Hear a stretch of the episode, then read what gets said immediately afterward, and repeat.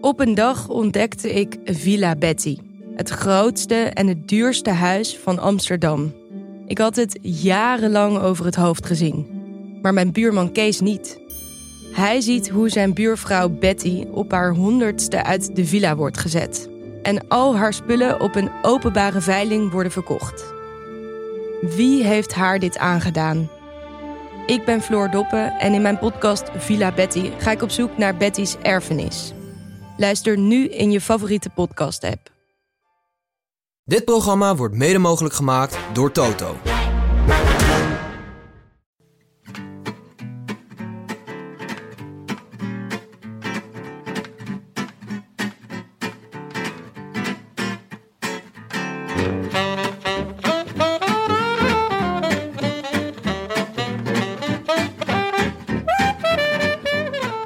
Het is zondagavond 6 september 2020 en live vanuit de Dag en Nacht Studio in Amsterdam West is dit de Rode Lantaarn, de wielerpodcast van Het is Koers.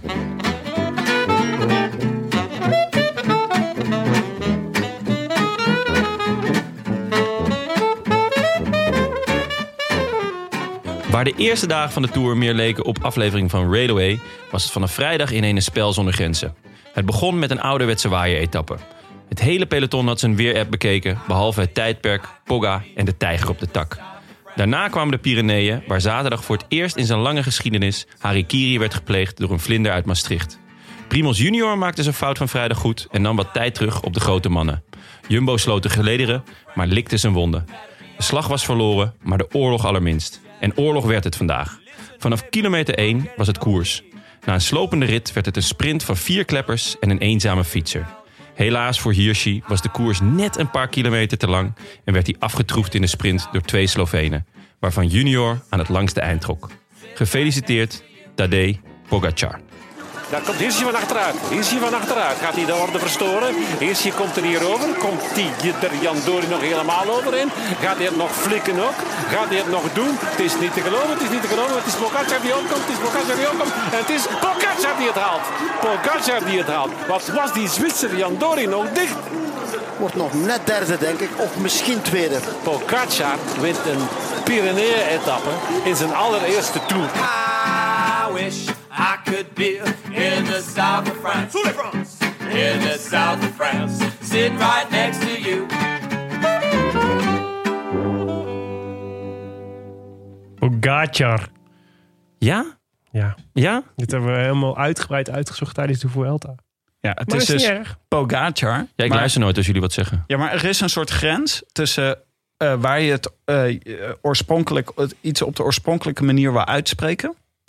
En tot waar je het gewoon belachelijk klinkt. Dus Fresh. als wij de hele tijd Pogacar gaan zeggen, het klinkt gewoon net niet. Nee. Of zoals toen Jan Roelfs ineens begon met Fredge. Ja, met Fredge, precies. Of eh, Leon van Het is Koers de hele tijd wil dat ik Servilio zeg in plaats van Serviglio. Ja, of Bon Iver in plaats van Bon Iver. Precies. Goed dat we op één lijn zitten. Zo, ja. Maar goed, Pogacar dus. Ja. Hoe dan ook, Jonne, je bent weer terug. Ja, Welkom. ik ben er weer. Welkom. Dank jullie wel, jongens. Leuk jullie weer te zien. Ja.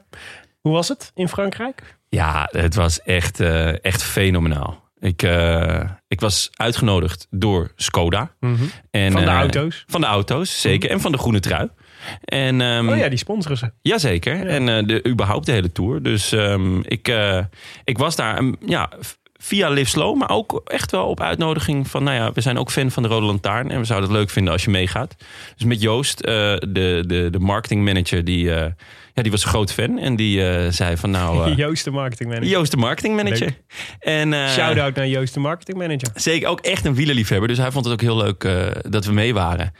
En ja, ik heb me nog nooit zo VIP gevoeld, boys. Wat heb je allemaal gedaan? Ik, ik zag op een gegeven moment eh, op de WhatsApp een beeld vanuit de helikopter. Ja, Dat vond ik al wel eh, indrukwekkend. dat was ook Vooral echt... omdat er die dag maar één helikopter boven het peloton cirkelde. Ja, ik weet niet hoe dat gerucht eh, de wereld in is gekomen. Nou, Oké, via de tourorganisatie. want wij waren wel al met vier helikopters. Een soort Tour of Duty was het. Ja, ik, nee, ja, ik, eh, ik weet Apocalypse Now. ja, precies. Misschien maar één, één eh heb je ook televisiehelikopter. opgezet van Apo- Apocalypse Now? Al die Nee. renners in paniek. Nee, helaas. Ehm, nee, wij, eh, wij, wij waren al met vier helikopters. Hmm. We hebben allemaal één. Oké. Nee, ehm, ja, we werden opgehaald. We, we gingen met het vliegtuig eh, naar eh, Zuid-Frankrijk. Werden we opgehaald. Toen sliepen we in een kasteel. Gingen we... eh, Een officieel kasteel uit het kastelenboek? van Herbert? Ja? zeker. Pagina 51. Kan iedereen checken. Nice. En eh, toen eh, de volgende ochtend... Nou, dat, dat was wel eigenlijk een van de weinige minpuntjes. het ontbijt. Nee, fietsen met Andy Slek. Ah ja, dat Dat was op zich vet. Maar de verzameltijd was kwart voor zeven. Oké. Nou, jullie kennen mij een beetje. Oei. Ik lag er net in. Ja. ja, precies. En, eh, maar het was wel genieten. Had je want- lekker doorgeslekt de avond voor. Helaas niet met Andy, maar eh, nee. En eh, nou, er lag een super supermooi fietstenuutje voor me klaar, inclusief eh, groene trui. En eh, toen zijn we lekker rondje gaan rijden. Oké. Je hebt gewoon in een groene trui op een trek... heb je achter Andy Slek aangefietst. Ja, ja Kon dat niet nog een beetje, Andy? Ja, Stopte die halverwege? Abandi bedoel je? Nee, joh. Nee, ehm, hij, het was wel grappig. Hij reed op een eh, iets, iets eh, ja, grovere fiets, om zo de dikkere banden. Een Een gravelbike. mountainbike. Nee, een gravelbike was het. En dus af en toe ging hij ook gewoon eh, lekker even uit zichzelf gewoon een stukje door het gras rijden en zo. Dat vond ik ook wel, ja, was wel genieten. Oh, En, joie de vivre. Ja, de, de, hij, op, de, op de fiets kwam, er, kwam hij wel echt kwam hij wel lekker los. Mooi. Heb je nog een beetje met hem gebabbeld? Ja, toen hij erachter kwam dat ehm eh, Steve, eh, Steven Bolt eh, met ehm, onder andere Thomas Dekker nu ook vaak in de podcast maakt. Eh, toen, toen, ja, toen ontdooide hij helemaal. Hij heeft veel met eh, Dekker gefietst in de, in de jeugd. Goede herinnering aan. Ja, dus hij zei van, hey, eh, zorg dat Thomas me een keertje belt. Gaan we lekker eh, Ze delen een een hond, koffie doen. Een hond? denk ik. Ze delen een... Ah. Sorry. Nee, en toen eh hadden ja, gefietst. En daarna gingen we dus de koers in. En we zaten dus echt in een eh, van de volgauto's. Eh, en reden we dus gewoon langs het peloton, wachten op het peloton, eh, tussen peloton en kopgroep. En daarna ehm, met de helikopter boven het peloton. Ja, dat was Kan, kan, je echt... het dan, kan je het goed zien dan? Als je in de helikopter zit? Nee, nee, maar Nee? überhaupt... Heb je wel eens in een helikopter gezeten? nee. Vet hoog. Ja, ja, Ja, het is echt hoog. Maar wat heb je er dan eigenlijk aan? Behalve in de Vuelta, daar vliegen ze altijd heel laag over het peloton. Een beetje die rugwind als er een Spaanse kopgroep weg is. Ja. Nee, ehm, ja, eh, eh, het, het is gewoon wel heel vet. Want je ziet, ja, je ziet wel het peloton. En je ziet ze gewoon rijden. Maar het is niet dat je dan heel makkelijk nog eh, eh, ploegen of mannetjes herkent. Hmm. Nee, dat, dat niet. En toen zaten we dus weer voor, voor alle renners. En toen gingen we uiteindelijk, eh, want het was de etappe van donderdag. Eh, Naar Gap. Ja, was het naar Gap? Nee. dat Nee, was, vrijdag. eh, Woensdag was het Gap. Woensdag. Lauren? Ja, Montaigual. Naar de. Ah, ja. Ja, ja. En eh, dat was natuurlijk een aankomst soort van bergop. Maar er losten dus best veel renners. En wij zaten dus tussen de gruppetto en, en de kopgroep. Met helikopter? Nee, nee, nee, met, met de auto. Hè? Je was halverwege, was de helikopter gestopt en toen was je in de auto gestapt. Oh, ja. precies. En toen zaten we dus weer in koers. En dat gaat hard, jongen. We hadden een oud renner, ehm, Paul. Eh, kom, kom even niet op zijn naam. Maar een oud renner die... Een Belg? Nee, nee, nee, een? Fransman. Paul Martens? Dat is een Fransman, een vrij moeilijke Franse naam. Oh. En die scheurde, jongen. Maar het hele peloton, al die auto's, die volgauto's, die scheuren echt met honderd over rotondes. We hebben een paar keer gedrift. Mm. Ja, dat was ook super vet. En ehm, eh, In een Skoda. In een Skoda, zeker. Een heerlijke auto. Kan ik iedereen aanraden trouwens. Echt een fantastische auto. Oké. En eh, misschien iets de auto van de show of zo, jongens. Kunnen we dat niet, eh, kunnen we dat niet regelen? Skoda is echt toch de officiële tourauto's? Ja, zeker. 240 auto's hadden ze in de Tour. Vroeger had je altijd zo Fiat had je zo Ja. op het, eh, bij de finish staan. Dat is niet meer. Skoda Skoda. is overgenomen. Es war eenmaal. Ik weet niet hoe je dat in Tsjechisch zegt, maar ja, dat, eh, dat, is, eh, dat is nu Skoda. En, en, eh, en een beetje lekker eten natuurlijk, omdat je in Frankrijk was. Ja, dat was eigenlijk, oh ja, nou, dat was misschien het tweede minpuntje. In, de, in dat eerste kasteel kregen we dus eh, drie gangen. Althans, dat, was, dat, dat stond op menu. Mhm. En de derde gang was een toetje. En, eh, En dan nou, maakte jou woedend. nou, ik had dus twee gangen gehad. Tuurlijk, en een kleine amuser. Eh, en toen die derde gang, dat was een, een klein bakje met een soort moes. Dus ik denk, oh nou, toetje lekker. Een soort, soort ijsachtig moesdingetje. Er zaten wat nootjes op. Mhm. Dus ik... Was het om je handen in schoon te maken? Bij wie was het ook weer? Dat is, eh, bij, de, bij de koningin toch? Bij Juliana of zo. Nou ja, goed. Eh, dus ik, vol enthousiasme, duik dat toetje in. Neem een, echt een flinke hap. bleek het geitenkaas moesten zijn. Oh, Oh, lekker. dat is, ja. Zit jij nou te doen alsof dat vies is? Ik vind, ik vind kaas überhaupt niet te beffen. Maar ik vind geitenkaas en dan een moes. Maar iedereen, eh, met de hele tafel, er zaten best wat kaasliefhebbers. Ehm, iedereen dacht dat het een toetje was. En als je gewoon denkt van... Maar nou, kaas nu- is een toetje in Frankrijk. Nee, maar je, een zoet toetje. Je denkt, eh, een, ja, ik ga nu iets zoets eten. En, en want dat kwam, dat bleek Allemaal ook. boze Nederlanders. daar. Dat is geen toetje. Ik wil gewoon uh, wat- Had al gezegd, had ik zelf een hagelslag meegenomen. Want eh, er zat ook een Fransman aan tafel, eh, Paul. En die, die, die schrok zich ook de pleuris. En eh, uiteindelijk kwam daarna dus ook nog het echte toetje. Een zoet toetje. Oh, toch nog? Een zoetje. Ja, oh, de kaas moest dat is natuurlijk Jeetje. voor de laatste gang. Het was een tussengang. En het was En dus echt uiteindelijk was het dus gewoon extra... Een extra iets. extra vies. Dus je kreeg nog je toetje. Extra gewoon. vies. Ja. Ja, Wat ja. een verhaal Ja. John. ik ben echt helemaal... Ik zweet een beetje. Ik eh, begreep dat je ook Dylan van Baarle nog was tegengekomen onderweg. ja, dat was wel leuk. Dylan, Baarle, Dylan van Baarle loste. Dat Vriend was, van de show. Ja, dat was eigenlijk het, het, het leukste. Dat we op die laatste berg zaten we gewoon iets achter de, de koplopers. Gewoon een paar, paar honderd meter. Eh, en dat, dat, ja, je zag dus steeds renners lossen. En dan kon je even aanmoedigen. Of zoals met Dylan van Baarle even een babbeltje maken. Dus dat was heel gezellig. Je hebt gewoon eh, op de berg eventjes eh, gebabbeld. Ja, eh, ik zei van, hey Dylan, kom aan Dylan. En toen, toen keek hij even en zei hij, hey jongens. ik zeg, hoe is het? Hij zei, ja, nu wel goed. Ja, En, mooi. hij Hoe zat peddelde- ze nog? Ja, ik, ik heb gelijk gezegd, goede snor ook hoor. Echt, en ja, het zag er goed uit. Ja, ik hoop eigenlijk dat hij geen etappe gaat winnen, want dan gaat hij eraf. Dus nog. Oh, is dat de deal? Mhm. Oeh. Dat is het deal. Oké, eh, even, even de orde. Oh, sorry, vertel, nog, vertel gewoon nog een paar dingen tussendoor. Als je leuke tourdingen hebt. Maar we gaan voor nu even door met, eh, met de aflevering van vandaag. Want we hebben heel veel te bespreken. Jammer. Wat een belangrijke is, belangrijk puntje. Volgende week zondag, de 13e, Ja. gaan wij samen wielrennen kijken. Ehm, dat we, we hebben even dit een beetje uitgezocht. Want eh, vorig jaar, vorige jaren zaten wij natuurlijk in Café Pompet in Amsterdam. Maar het is coronatijd.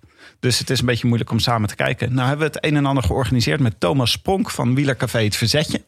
En dankzij hem kunnen we op zondag eh, samen kijken. En daarvoor kunnen Coronaproef. coronaproef kijken. Eh, dan eh, gaan we naar een speciale locatie, namelijk Clubhouse op het marineterrein in Amsterdam. Daar staat binnen en buiten staan schermen, binnen en buiten zitplaatsen. En dan kan je een arrangementje afnemen. Dan krijg je een frietje stoof, een speciaal biertje en een wijntje. En je krijgt een gratis boys biertje. En na afloop kan je luisteren, mocht je daar zin in hebben, naar de opnames van een podcast van ons, Echt? de Rode Lantaarn. Met eh, ook vers- versterkt geluid en alles. Ja, Leuk. En wij zijn er ook de hele dag. Dus je kan gewoon, zeg maar, alsof je Dylan van Baarle bent. Kan je dus gewoon naar jou toe lopen, Jonne. En een praatje met jou maken. Ik weet niet of ik reageer hoor. Ja, dat Ik ben echt gefocust. Leuk zeg. Ik heb zin in dat frietje stoof. Ja. Ja, ik, Oh. ook. Ik, ik mis het ook echt dit jaar. Goh. Reserveren Hoe, ehm, kan door te mailen naar groetjes de En ik zal dit alles, alle praktische informatie, ook even natuurlijk op onze site zetten. De maar je moet reserveren, want anders dan kunnen we de coronaproofheid niet garanderen. Ja, het moet allemaal corona-proof blijven, zoals wij dat in Leiden zou, eh, zouden noemen. En er zijn ook Brabantse worstenbroodjes. Niet. Ja. Las ik. Speciaal voor jou. Ja, nou, als ze speciaal voor mij waren geweest, dan waren ze van een andere bakkerij gekomen. Deze komen uit Dongen, wat ook oké is. Maar de beste Brabantse worstenbroodjes komen natuurlijk uit Malen. Dus eh, ja, jongens, eh, dus samen kijken. Zondag, dat is de etappe van, eh, even denken, Lyon naar Grand Colombier. De koninginnenrit. Ja, dat is wel een toffe rit om samen te kijken hoor. Ja. Ja. Kan je niet anders zeggen. Hopelijk wordt het gewoon mooi weer. Gewoon echt even dat tourgevoel. Ja. Goede Dumoulin, goede Mollema zou ook lekker zijn. Twee En bergen van de buitencategorie. Ja. Aankomst bergop. En Colombier, Grand Colombier is natuurlijk eh, de, de langste beklimming van de Colombier. En een, ja. Ja. een eh, klassieker. En het is niks leuker dan eh, wielrenners te zien lijden terwijl je zelf aan een frietje stoofvlees en een speciaal biertje zit. Ja, Dat is mijn ervaring. Leuk boys, leuk. Echt goed. Leuk Thomas. Goed geregeld. Yes. Tot zover eh, de administratie. Hebben we nog eh, rectificaties? Ja, aanvullingen eerder, zou ik zeggen. Ehm, twee, om precies te zijn. Ik zal... eh, Hebben jullie gewoon geen fouten gemaakt? Terwijl ik er niet was. Nee, ik weet niet. Heb jij ons nog op fout kunnen betrappen? Of Nee, dat vond ik trouwens wel weer echt genieten. Ehm, het, het was dat een het beetje... voor jou voelde als vroeger? Nee, ja, het, het was een beetje het toetje, toetje van mijn eh, reis. In de, in de, Maar dan eh, zeg maar niet, het, eh niet de geitenkaas-toetje. ja. in, in, de, in de bus naar het vliegveld. Toen eh, hebben we even lekker de Roland Lantaarn aangezet. Gepompt En, eh, door de speakers. Ja, Mooi. En eh, ja, ik heb genoten van jullie boys. Zaten er lekker in. Mooi. Ja. Waren er dingen waar je het hardgrondig mee oneens was? Ehm, nee, niet direct. Ik vond dat jullie voor het eerst eigenlijk zinnige dingen zeiden. Dus mm, ja, toch ook wel een positief ding dat ik er dan niet was. Michiel Elijzen van Sunweb was het niet eens met de analyse van de sprinttrein.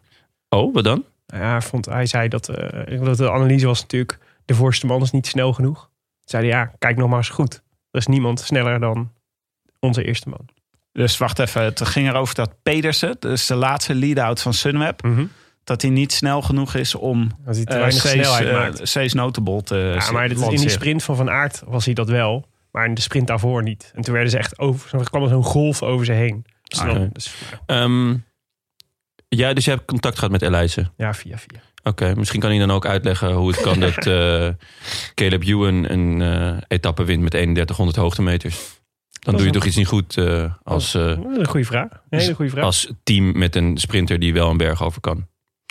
Dus Michiel, bij deze, vriend van de show hè. Ik vroeg eigenlijk gewoon of er rectificaties in de mailbox terecht waren gekomen. We hebben het vorige week, eh, of eh, woensdag hadden we het even over TikTok. Ja, Niveau gaat, leuk. het niveau gaat omhoog. Eh, en toen ging het dus over. eh, het zeiden we, het zou, de, nee, ik kreeg een bericht van Tristan Bos. Die schrijft: Het zou iedere keer een verras- verrassing zijn. of de hond, de kat of het schaap tevoorschijn komt. In die legendarische opening van TikTok. Nu snap ik de drang naar ongrijpbare tridenten. Maar helaas is dit net zo voorspelbaar als Mobistar in een grote ronde. De hond heeft alles te maken met de klepel. Verdween de klepel, dan zat ik al te schreeuwen voor de tv. Hond, hond. ik, heb dit, eh, ik heb dit nagekeken. Dit klopt. Ik heb net, een, ik heb net eh, met de, de Rode Lantaarn account op Twitter een tweet geretweet van, eh, van de v, V- VRT. En eh, daarin legt de, de, de, degene die het decor bouwde van, van TikTok legt uit waarom dat zo was. Namelijk dat de, het, de klepel werd geprojecteerd op het huisje. En het hondje was te groot. Dus als het hondje, als het hondje er zou zijn en de klepel was, zou, het, zou de klepel op het hondje worden geprojecteerd. Dus deden ze het klepeltje weg, zodat het hondje er gewoon kon passeren. en is, dus kon je zien dat op het moment dat het klepeltje verdween, wauw. dat het hondje Maar is dit bij de oude aflevering van TikTok of de nieuwe? Ik kijk niet de nieuwe. ik kijk al een tijdje geen TikTok meer. Dan ben ik Ja, heel ik- ik eerlijk. neem- ik wel, met mijn dochter, heel ik veel. kijk ook TikTok. Ja? Maar schitterend, die nieuwe afleveringen. Ja, ze zijn echt heel mooi. Nou ja, dus aan jullie dan om de nieuwe tel te vinden in eh, TikTok. Oeh. Ja. Leuk. Anywho, Luc Minke, die, eh, die eh, berichtte ons nog, had een beetje een aanvulling op jou nog, Jonne. Net weer geluisterd naar een schitterende aflevering van de Rode Lantaarn. Erg grappig moment was de woordenwis- woordenwisseling met Stef Clement, die Jonne beschreef in de aflevering. We hebben het hier over Radio 1, Bureau Sport, volgens mij, waar jij te gast was. Hoe heet dat? Eh, ja, Bureau Sport tussen de middag. Ja, en BVSC of zoiets. Ja, zoiets. Ja. Anywho, daar zat jij met, met Stef Clement en toen kregen jullie het over Dark Horses. En toen noemde hij Harold Tejada. Ja. En toen heb jij hem uitgelachen. Ja, en kapot gemaakt. nee, ja, dat eh, Stef en ik eh, wellicht geen vrienden meer worden, dat, dat is misschien wel een gegeven inmiddels. Maar hij ehm, noemde Ha- Harold, Harold de Gada als eh, Dark Horse. Mhm. Die heeft tot nu toe nul punten gehaald. 25e vandaag, hè? Ja, ge- nul punten. Maar ehm, enfin, het heeft eh, Stef ook niet onberoerd gelaten. Want schrijft Luc, laat ik nu net inschakelen op het liveverslag van de NOS... en laat ze het net over een dark horse hebben. Waarop Stef Clement eerst geen antwoord durft te geven... omdat hij verwijst naar de uitzending van Radio 1... en uiteindelijk toch maar kiest voor Mes Getch. Ik, ik, ik hoorde via via hoorde ik dat ehm, eh, Clement het had opgevat als... Nou, hij dacht, ik noem een renner die ik in mijn voorbereiding niet kende... van alle renners die ik op de lijst had staan. Harold Tegada, Tegada is niet zo'n heel bekende renner. Nee. Dus daar had hij voor gekozen. En Jonne die ging gewoon voor een dark horse, weet je wel... die goed kan zijn voor je poeltje. Wie noemde Ja, ook alweer? Eh Higita.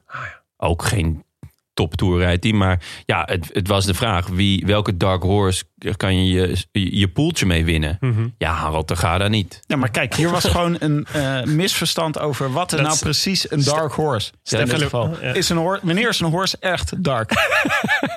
of tot dark gemaakt natuurlijk. Ik wil niet zomaar een horse dark noemen. Een tot dark gemaakte horse. Wanneer, wanneer is dat zo? Ja, misschien had ik dan een beetje een beige horse of zo. Eh, dat, dat, dat, dat, dat, eh, Nou, ik vind een dark horse is gewoon iemand die niet tot de, tot de standaard favorieten behoort. Maar mogelijk goed, kan, goed verrassend kan presteren. En Ja. ik vind de Harold de Gada inderdaad wel echt een categorie daaronder. ja, Harold de Gada is een beetje die... eh, Dus die- eens met Jonne. Maar die- die vooral ook omdat chocola. ik graag een beetje wil stoken. En ik hoop dat het tot een vuistgevecht leidt. Maar Harold en Gada is, is die, die chocola in de supermarkt met echt 95% cacao. Die echt bijna niemand ook lekker vindt. Te dark horse. Het- ik heb wel zin in een biertje. Ik sta er ook, niet ja. tijd voor. Een natje. Uit Groningen ditmaal.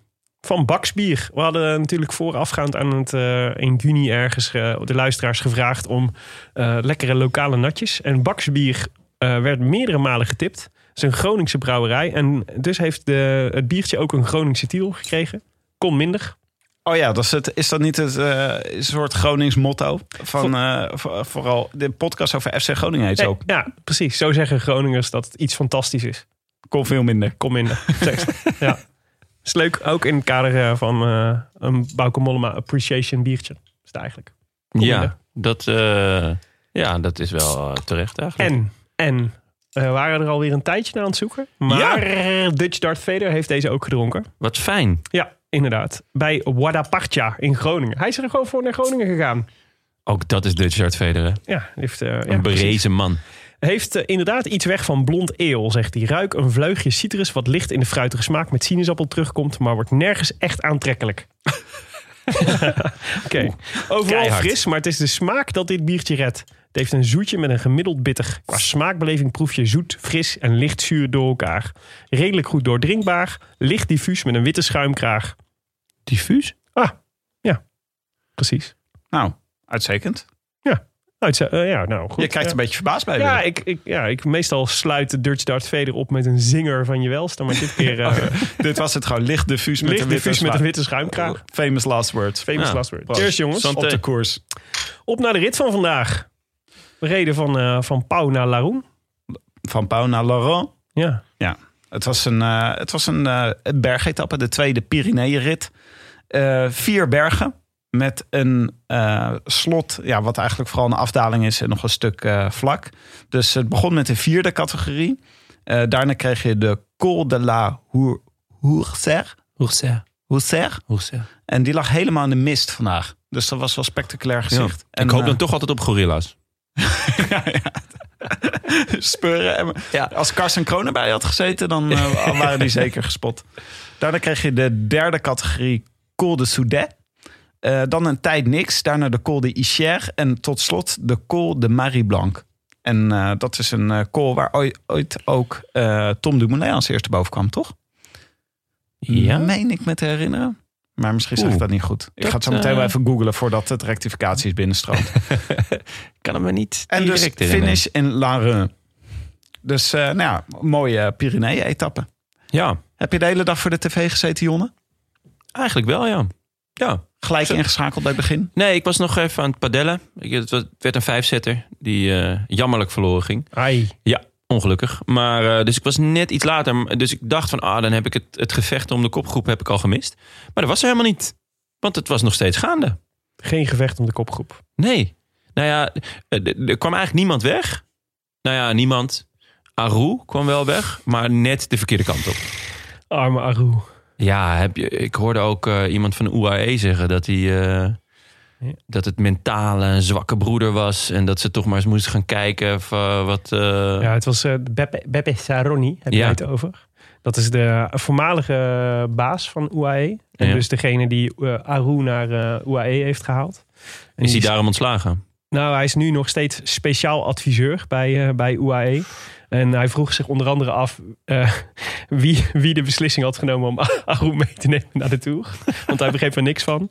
En hij had het over eh eh, Aru die eh, mentaal was ingestort. En de zoveelste keer dat hij, dat hij het team te- teleurgesteld had. Eh, dus eh, ik, eh, ik, ja, ik weet niet hoe het met Aru verder moet ook zeggen. Nou, Ti- Tim, ik kijk een beetje naar jou. Jij bent echt de Aru-versteer. Ja, ik ben echt groot liefhebber van Aru. Vooral omdat er niemand zo mooi eh, zinloos kan demereren als Aru. Hij beheerst het namelijk perfect om dan op een spectaculair moment van de ene kant van de weg naar de andere kant te gaan. En helemaal met zijn fiets te schudden alsof er muziek onder staat. En dan eh, drie meter weg te rijden. En dan een tijdje drie meter voor het kopgroepje te blijven rijden. En dan weer teruggepakt te worden. heeft hij toch zijn airtime gepakt. En ik kan dat gewoon, dat soort showmanship kan ik waarderen. Ja, het is eigenlijk een beetje een Fransman dus. Ja, ja een beetje Fransman. Maar, Maar we hebben het is- dus, eh, we hebben het al een tijd niet meer gezien. Nee, voorheen zat er wel eh, zat er natuurlijk nog wel een beetje klasse achter. Maar we hebben toch echt, het is toch echt een aantal seizoenen geleden alweer dat we Aru echt. eh, Hij heeft die blessure gehad die ook eh, Sam Ome heeft geteisterd. Hè? Die, eh, de het? De liesslagader, Daar is hij geopereerd. Ja. En dat heeft, hem, dat heeft hem veel gekost. Maar nu zeggen ze dus bij zijn eigen team dat hij ook gewoon mentaal zwak is. Ja. Ja, José zag het ook niet meer gebeuren. Die zei het is toch droevig om te moeten, op je dertigste moet, te moeten stellen... dat je op je 25ste op je best was. Ja. Ja. ja, dat is zo. Overigens, eh Dumoulin heeft echt niks met die berg de Col de Marie Blanc te maken. Ik weet niet hoe ik dat eh, bedacht heb. Maar dan scheelt Nou, je het kunnen. rectificatie. Het zou kunnen. Het had kun, waar kunnen zijn. Het had waar kunnen zijn. Farfetched, maar het had gekund. Ik vind Maar het wel toch, eh, jammer. Wat nog één, er was nog één dingetje van Aru. Wat ik wel grappig vond. Was het, eh, de, eh, het team eh, voor, vlak voor de Tour. bij UAE. Toen zeiden ze van tevoren zeiden ze van... ja, Aru is de echte leider. En eh Pogacar is een soort knecht met een vrije rol. Dus, ik weet niet. Ze hadden toch nog een oude, oude hiërarchie hadden denk ik. Ja. Nou ja, hij begon natuurlijk eh, vrij imposant, Aru... door eh, met de grote mannen te gaan babbelen over dat de koers geneutraliseerd moest worden. Ja, ja. Dus Oh ja, inderdaad. Hij ging, de patroon ging die uithangen. ja, Ja, dat was wel leuk, ja. Vond ik een mooie rol voor hem.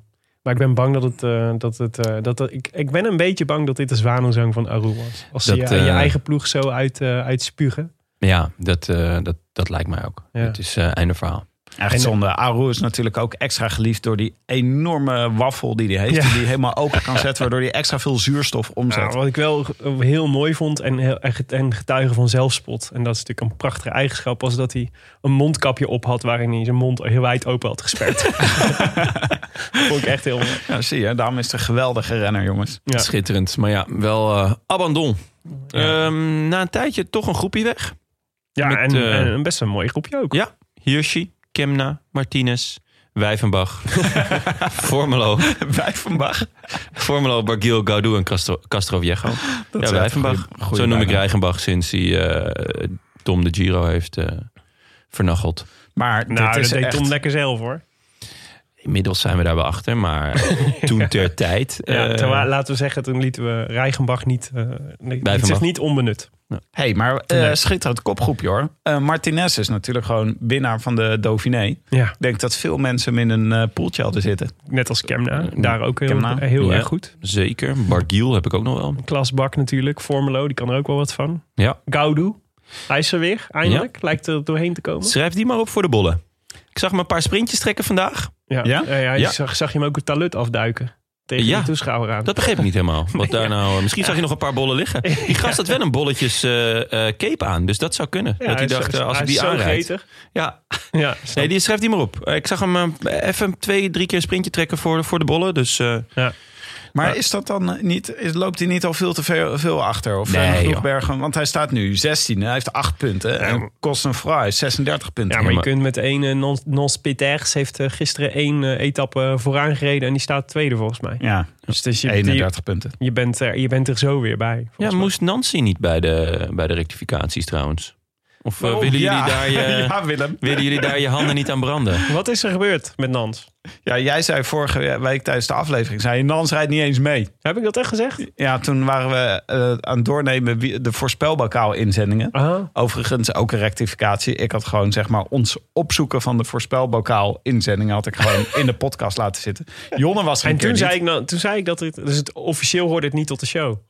nee, nee, Nou ja, het was- nou ja, dan telt het niet. Nee, ja, vind ik ook. Dus vandaar geen rectificatie. Oh, ik zeg zoveel dingen buiten de show die niet Wat? kloppen. Het gaat erom wat je doet in de show.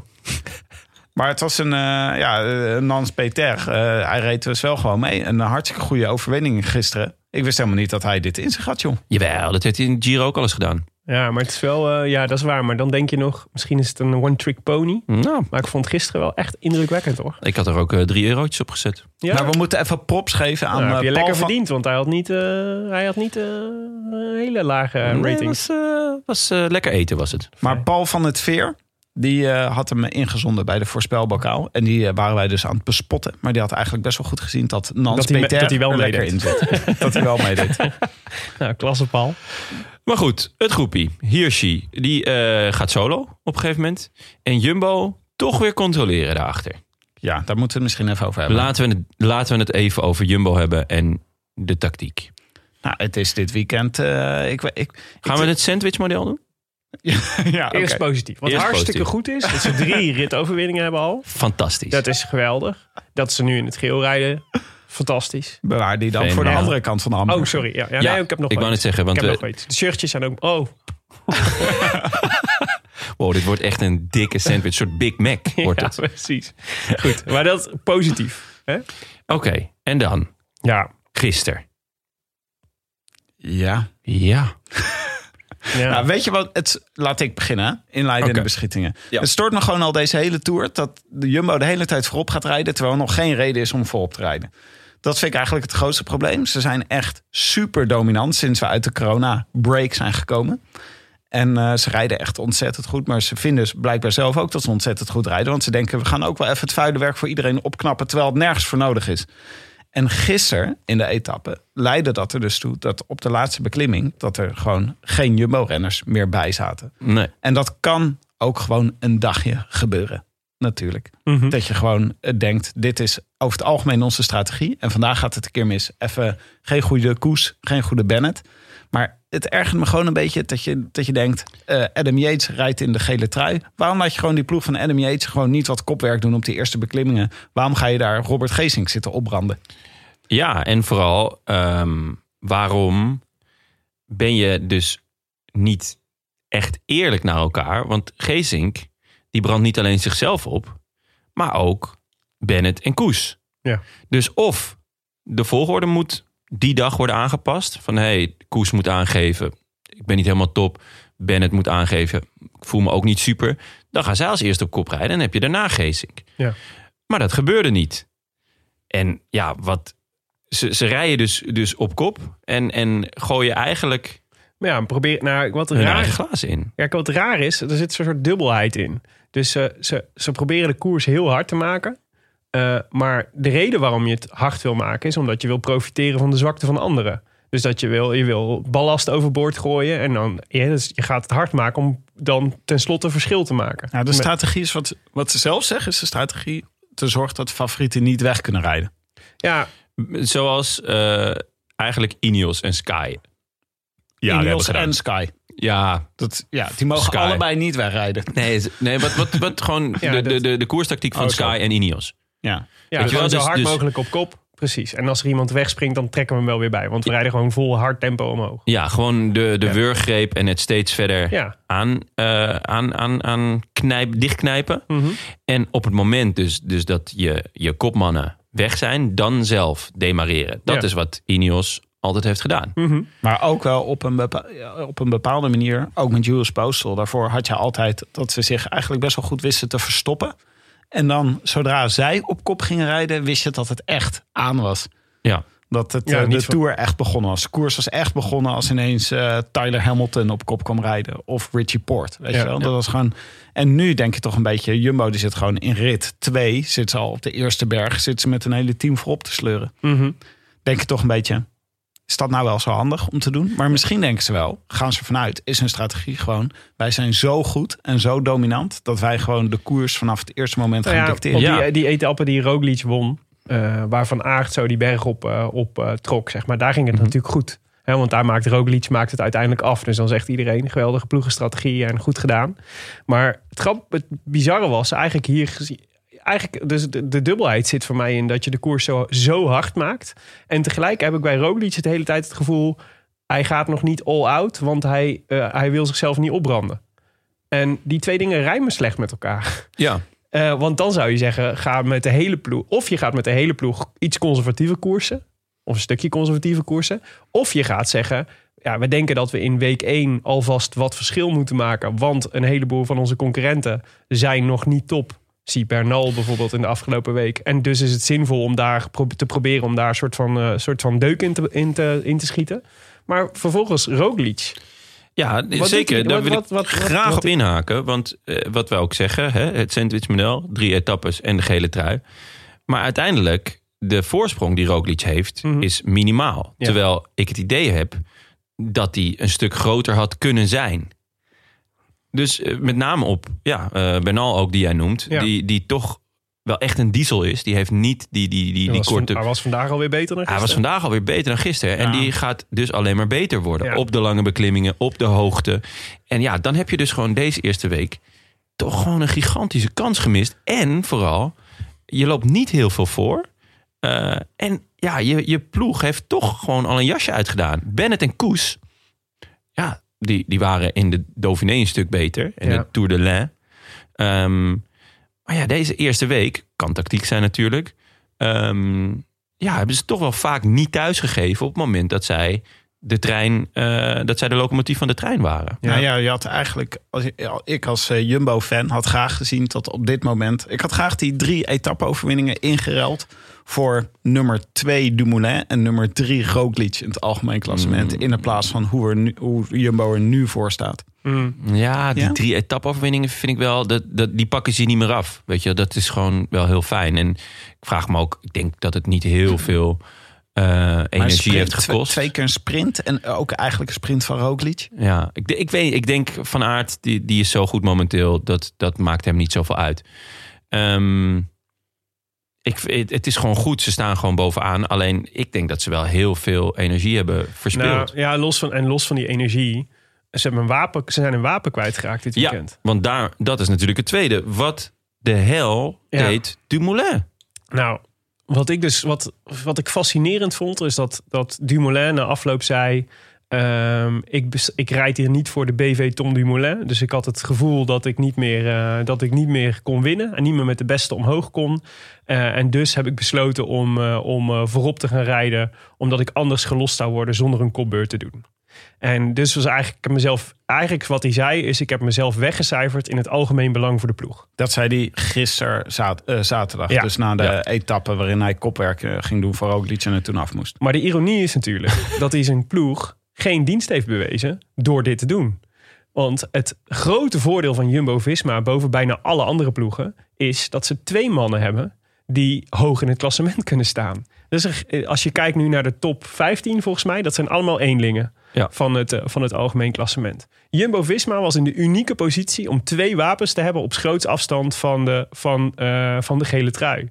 En Dumoulin heeft dat wapen zijn ploeg ontnomen door eh, aan kop, op, op, een, op, op kop te gaan sleuren, wat ook nog geen effect had. Nee, Want- de enige die hij daarmee elimineerde, was hij zelf. Ja, precies, want alle andere jongens die er af moesten in eerste instantie, kwamen weer terug.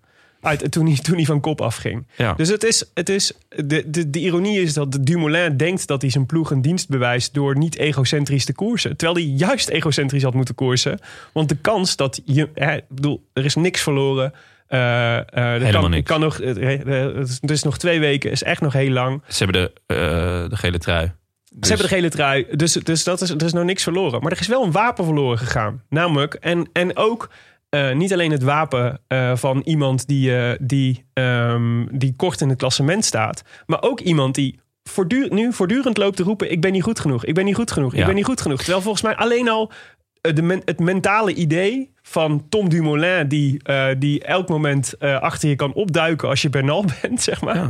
is volgens mij al een wapen. Nou, het is een Giro-winnaar. Natuurlijk ben je daar bang voor. Oh, Ja, even maar niet als hij zegt, ik ben een knecht. En voordat we rectificaties krijgen, de top 12 zijn allemaal eenlingen. Oh ja. En daarna krijg je het rijtje eh, Mollema, die natuurlijk Poort aanvult. En daarna Dumoulin, Ja. die nog steeds 14e staat. Dus hij kan wel roepen dat hij heel erg slecht is. Maar hij rijdt eigenlijk best wel goed alle bergen op. Mhm. En eh 15 is Carapaz. Ja. Dus die vult dan Nou, weer bij top 12 dan. Ja.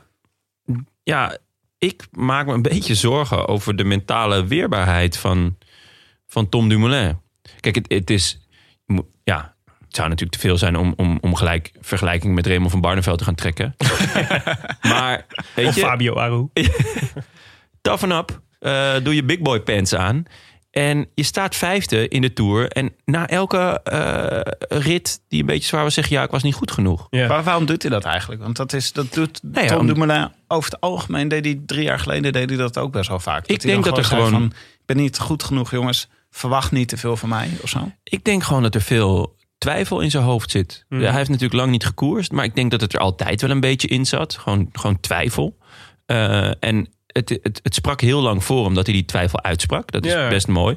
Maar ja, wielrennen is natuurlijk ook gewoon, eh, ja, toch voor een, eh, een klein percent, maar belangrijk percentage acteren. Weet je wel, je, je doet als je in, een- in, in de, in de, met de grote mannen zit, doe je alsof je Ja. eh, het heel, heel makkelijk kan. Je gaat geen gekke bekken trekken, je doet gewoon. Hè? En dan ineens los je. Mhm. Dus acteren is ook een belangrijk onderdeel van, van het wielrennen. Ja. En ja, hij is misschien iets te eerlijk. Maar nu ja, maakt hij ook gewoon een, een, een, een heel slechte keus. Ja. Maar zou het niet kunnen? eh, ik kan me voorstellen dat zij, zij gaan naar die tour en ze zeggen: we gaan na een week gaan we de balans opmaken. Dat wie onze strategie, kopman is. ja. Ja. dat was de strategie. En we zijn nu ongeveer een week verder. Tom die rijdt daar in die koers en die denkt al een paar dagen: ik kan eigenlijk niet echt goed meekomen. Ik Mhm. eh, voel me niet goed genoeg. En denkt gisteren op die klim, denkt, nou, dan, eh, we gaan nu een klim beginnen. Ik ga sowieso een paar minuten aan mijn broek krijgen. Mijn klassement zit erop. Dan ga ik nog even wat kopwerk doen voor Roglic. Want als je het uit die lens bekijkt, dan is het, maakt het eigenlijk niet zo uit of die kopwerk of niet gedaan heeft voor Roglic. Die paar minuten ging hij toch verliezen. Nee, maar kijk, als hij, een minuut, als hij dat niet had gedaan en een minuut minder had verloren. Ik bedoel, dit is een andere dimensie waarin dit was. eh, je weet niet of dat, dat was gebeurd. Of dat hij dan er nog steeds zo ver doorheen was gezakt. Ehm, eh, maar als hij dat niet had gedaan, dan, was hij, dan, stond hij nog dichterbij in het, in het algemeen klassement. En dan had niet iedereen eh, nu gedacht: oké, Dumoulin is de knecht van Roglic. Dumoulin heeft veel meer waarde als schaduwkopman, zelfs als schaduwkopman die niet in vorm is voor Roglic, dan dat hij heeft als, eh, als meesterknecht. Alleen al, zeg maar, alleen al door zichzelf zo te framen, heeft hij Jumbo-Visma een wapen ontnomen. Ja, maar als hij één minuut minder had verloren, dan had hij nu één plekje hoger. Ja, en dan had hij twee minuten Nee, hij had gestaan. die negende en, gestaan. en dan is nog, en dan is nog Of niet? Oh nee, niet. Nou, hij staat Nee, nee, op 3 minuten 22. Ja, dan en was Mollema, die één plekje hoger staat, die staat op 2 minuten 31. Maar, we- maar 2 minuten 22 met nog twee weken te koersen. Met nog Planche de Belfier die erin zit. Wat een tijdrit is die, die op, zijn, op zijn lijf geschreven is.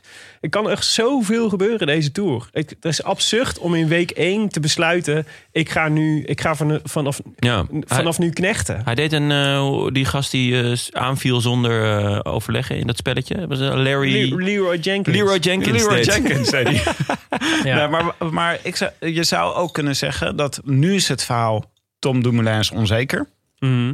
Maar je zou ook kunnen zeggen de strategie van Jumbo van tevoren om al na een week te gaan beslissen wie van de twee kopman is, is niet zo'n slimme strategie. Want waarom zou je die twee kopmannen niet gewoon week 2 en week 3 innemen? Want je hebt genoeg goede knechten Ja, bij. maar maar de- dan, misschien hebben ze het dan niet goed uitgelegd aan Dumoulin. Want het feit dat je iemand tot, tot de kopman benoemt... wil niet zeggen dat, het, dat je daarna... dat er dan vervolgens nog zes knechten zijn. Dat, dat kan ook betekenen dat je nog iemand een bijzondere status geeft. Eh, dat, je, dat, je, dat je zegt, dit is onze schaduwkopman, die staat er nog goed voor. Dus die proberen we zo lang mogelijk boven het algemeen klassement te houden. Want dat helpt ons op alle fronten. Dus ik weet, ik weet niet of het nou gaat over de mentale gesteldheid van Dumoulin. Ik denk dat we in ieder geval moeten constateren... ik vond het echt een knoepert van een tactische blunder. Ja. En, en, de- ehm, En de ploegleiding zei ook dat, het, dat, het, dat dit niet de bedoeling was. Nee, de- nou precies daarover. Dus, dus daar wil ik het ook nog wel even over hebben. Want dat is ook volgens mij belangrijk. Maar je, die tactische blunders, dat is natuurlijk, dit is het hoogste podium in het, bij het wielrennen. Dit is, hier, zijn, hier is echt nauwelijks ruimte voor fouten. Eh, en dit is een grote fout. Ik zeg niet dat ze hiermee de Tour verliezen. Verre van. Er kan nog van alles gebeuren. Ook met Dumoulin. Kan, eh, misschien geeft het hem juist de ruimte om eh, een keer aan te vallen. Of rond is er juist, ontstaat er juist vrijheid in zijn hoofd. Maar het was een, het was een grote fout in een week, in eigenlijk in een, week die voor Jumbo, dus een week waarin voor Jumbo volgens mij in een soort Hosanna-stemming was met drie ritten en zo. Dit, is eh, dit was echt een, dit was een stomme fout om met een toch volgens mij een beetje een kater eh, de rustdag in gaan. Ja, Ondanks het- de gele trui. Ja, Je zou dus kunnen zeggen, eh, verbazingwekkend punt 1 is dat Jumbo zoveel kilometers al op kop heeft gedaan in week 2. Verbazingwekkend punt nummer 2 is dat Dumoulin besluit om harikiri te plegen. Ja. Want het was ook, je zat naar tv te kijken, hij heeft ongeveer een minuut op kop gereden. Echt heel kort, maar Ja. volledig in het rood. Ja. Dus echt keihard op kop gaan rijden. Ehm, en eh, ja, En natuurlijk. daarna nam Roglic niet over. Wat ik Nee. ook wel gek vond. Ik vond namelijk op een gegeven moment ging Pogacar, die, eh, Ja. die viel aan. Roglic ging er vrij simpel naartoe, samen met Quintana. En toen hield hij de benen stil. Ja. En dan denk Ja. ik van, hè, er, er liggen toch best wat eh, mannen, ik noem hem Bernal, eh, die, die niet mee is. Nou ja, ga maar kijken. Ga, Ja, maar, ga maar eens proberen. Naar eigen zeggen was dat omdat hij nog niet de gele trui wilde pakken. Want die wou die pas vandaag pakken. Die wilde, wilde die Ja, pas maar hij zei ook dat hij, met, dat hij, met, dat hij de, de beslissende aanval van Pogacar had kunnen counteren. Als hij had gewild. Zei Ja. Roglic. Had het dan gedaan. Ja, dat snap ik ook niet. Maar punt drie nog over eh, de Jumbo-strategie deze week. Ik vind het eigenlijk ook wel heel erg raar dat er nu direct nadat dit gebeurt met Dumoulin... ook weer zo'n shitstorm rondom de ploeg ontstaat. Dat hem eh, even terugbrengt naar Jotto Lumbo eh, een paar, jaar, eh, paar jaar geleden. Dat ik dacht van... eh, Robert Geesink die geeft kritische fans op zijn Strava gewoon lekker middelvingertjes. Ja, dat vond ik ook Eh, opvallend. eh, Marijn Zeeman die zegt, Dumoulin heeft dit, eh, heeft dit zelf besloten. Dus die trekt zijn handen ervan af. Ja. En het Ja, is eh, gewoon... Ergens snap ik dat wel. Ik bedoel, ja, het was niet de afspraak. En moet je dan gaan liegen dat, dat, dat dit wel de afspraak was? Of dat Ja. je dit hebt gezegd? Nou ja, Ik je, bedoel, je Frans hoeft er niks over te ook. zeggen. Je kan ook gewoon zeggen, Dumoulin besloot om dit te doen. Ja, Punt. Zonder ja. te Ja. zeggen, dit was niet de afspraak. Ja. Ja, ik weet, ik Het is een beetje ook, Ronald Koeman. Ronald Koeman doet dit ja, maar het is, ook, het, is ook, ja, maar het is ook een beetje de fout isoleren. Hè? Dus je, moet, je kunt ook zeggen, eh, het, is juist, het is juist slim dat je, de, dat je de, de, zegt... het is een individuele fout van een, eh, van een eh, renner, had hij niet moeten doen. Zand erover en weer door. Het ploegen, de ploegentactiek blijft ongewijzigd. We moeten hem alleen misschien nog een keer herhalen... dat Tom Dumoulin hem ook snapt. Eh, dus ik, ik vond die, die reactie In de van Ma- media. ja, dus ik vond die reactie van Maassen en van eh, Zeeman niet per se heel, heel vervelend. En Geesink snap ik ook wel. Ik bedoel, die, die, die heeft zichzelf helemaal de, de barsten gereden. Eh, en eh, en krijgt, ja, dat is, dus, dat is niet het moment dat je, dat je met kritiek moet komen. Nou, ik vind het gewoon...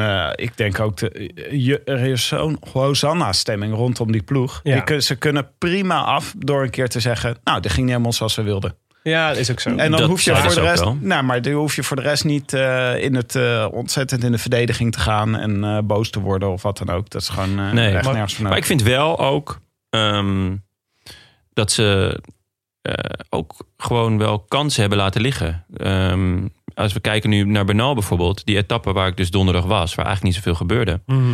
Ja, daar was Bernal gewoon niet zo goed. En vooral, Bernal is niet zo explosief. Dus op die kortere klimmetjes van, een, van, van de eerste categorie, die wel stijl zijn. Ja, daar moet je toch gewoon wel echt iets proberen. Want Ja. de Roglic is daar wel heel goed. Eh, die, kan, die heeft wel die punch. En nu, ja, Bernal, je zag het vandaag. Die gaat gewoon heel sterk zijn in de tweede en derde week. Ja, daar gaan we het straks nog over hebben. Maar het sandwichmodel, we moeten nu dus... Je nog iets positiefs zeggen? Ja, Nou, ik weet er alleen. kom maar Kijk, door. Ik, het is natuurlijk eh, dus eh, even ter aanvulling op het, eh, op punt wat Tim maakte net. Kijk, ehm, wat ze tot nu toe misten, natuurlijk Jumbo-Visma, waarom ik ook wel gematigd enthousiast ben over de middelvingertjes die Robert Geesink uitdeelt op zijn Strava. Wat, je, wat ze misten was een gezamenlijke vijand. Eh, eh, en dat is natuurlijk heel prettig. Dus wat, wat maakt het teamgevoel nou echt sterk, zeg maar? Is dat je s'avonds laat eh, met elkaar gegeten hebt en met elkaar aan mopperen bent over, over oh, precies over dit. Namelijk, we maken één fout en iedereen valt weer over ons heen. Zie je wel, weet je wel, we moeten het, we moeten het allemaal zelf doen. Dus ik denk dat het voor het teambeeldgevoel zou het wel eens een, eh, doorslaggevende factor kunnen zijn. Als we straks over twintig jaar andere tijden terugkijken op de overwinning van Tom Dumoulin in, Ja. in de Tour de France van 2020. Maar het, ja, en, hopen. En, ze- en eh Hamburg model. Ze zijn wel echt ontzettend dominant en sterk. En ze rijden gewoon, als ze even aanzetten, gewoon heel Ineos eraf. Mm, ja. Ineos is niet goed. Kijk, Bernal gaat nog wel beter worden. Ja. Maar om eerlijk te zijn, Ja. De rest, de rest van Ineos... eh, Pogacar is Aru kwijt. Ja, zijn meesterknecht. Eh, de, ik bedoel zijn kopman. Nee, ja, eh, Van Baarle is goed en Castelviejo is goed. Ja. Maar de rest, ja, Sivakov is gevallen, dus die zou nog wel beter kunnen worden. Maar de rest, is het, dus qua, qua ploegen is er weinig concurrentie. De mobbies zijn ook nergens. ja, daarom is het jammer dat, dat, dat ze dan toch hun tweede wapen... Oeh, nu zit ik weer in een dubbele, dubbele sandwichmodel. Ja. Sorry boys. Terug naar de koers. Ja, terug naar de koers. Want Ja, Hirschi, eh, wij Hi- zagen, wij zagen, Hirschi was solo gegaan. ja. En toen zagen we dus weer alle bijtjes eh, aan kop rijden. Ja, waarbij je dan toch ook wel weer denkt van... waarom rijden jullie nu op kop? En Mhm. niet bijvoorbeeld de ploeg van Yates. Ja. Of een andere ploeg. Ah, ik denk ook dat misschien een beetje de traditionele regels van de gele trui moet eh, zich verdedigen en eh, op kop rijden. Dat in het geval van Yates misschien ook al een beetje geldt. Dat zo duidelijk was dat Yates die trui niet naar Parijs ging brengen. Dat er ook de, de strijd nog steeds wel een beetje tussen Ineos en eh, de Jumbo's plaatsvond. Ja. En dat er ook gewoon wel dusdanig weinig Mitcheltons in die voorste groep zaten. Dat waarschijnlijk gewoon Yates zelf op kop moest gaan rijden. Ja, Ja, of Esteban Chavez. die kwam wel op flink achterstand binnen vandaag. Ja. ja, wel jammer, want hij had denk ik... Het is nooit twee dagen achter elkaar goed, is mijn idee. Nee, klopt. Ik dacht dat hij wel de bolletjestrui opgeschreven zou hebben dit, eh, dit Ja. jaar. Maar het is Ja. toch niet echt... eh, Die gaat Gaudu al winnen. Dus maar ehm, even Hirschi. Het is toch- zijn tweede nummertje deze Tour. Dat Cool. was eh, indrukwekkend, hè? Ja, dat Wat is een eh, echt, lekkere rijder is dat. echt een leuke renner. Ja. Die gaat eh, mooie battles uitvechten volgend jaar met Alaphilippe, denk ik. Hirschi Ali noemen wij hem. Ja, het is echt... eh, dat is echt de naam, hè? Somalisch bloed. Somalisch bloed, ja. Verre, verre familie van. Heel kritisch op de islam ook. Dat zie je niet als je hem Net- gewoon ziet net koersen. Maar, ja. Dat is echt typisch Mark. Ja, dat is mij, eh, Ja. mij ook opgevallen. Mark en Jaan. maar wat wel grappig is, vind ik, als je hem ziet fietsen... is dat hij best wel eh, stevig is. Best wel veel spieren. Ja, veel meer dan zijn zus. Veel meer dan zijn zus. Ja, ja, zeker. Ja. Maar dan eh, gewoon eh, toch in eh, flink tempo die berg overrijdt. Want hij had echt goed geklommen. Ja. Hij ziet helemaal niet uit als een frelle klimmer of zo. Maar, Nou ja, hij had wel blijkbaar. power. Maar het is ook, eh, ik vond het wel knap hoe hard hij wegreed van dat groepje. Want dat was, nou ja, we, hadden- zeiden, we noemden net al wie er allemaal in zaten. Maar er is toch ook, zijn toch ook geen koekenbakkers? dus knap dat, hij dat, eh, dat hem dat lukte. ja, schitterend. Dacht ik had hij hem eigenlijk al hem echt gerund. Vier minuten toen hij aan de laatste klim begon.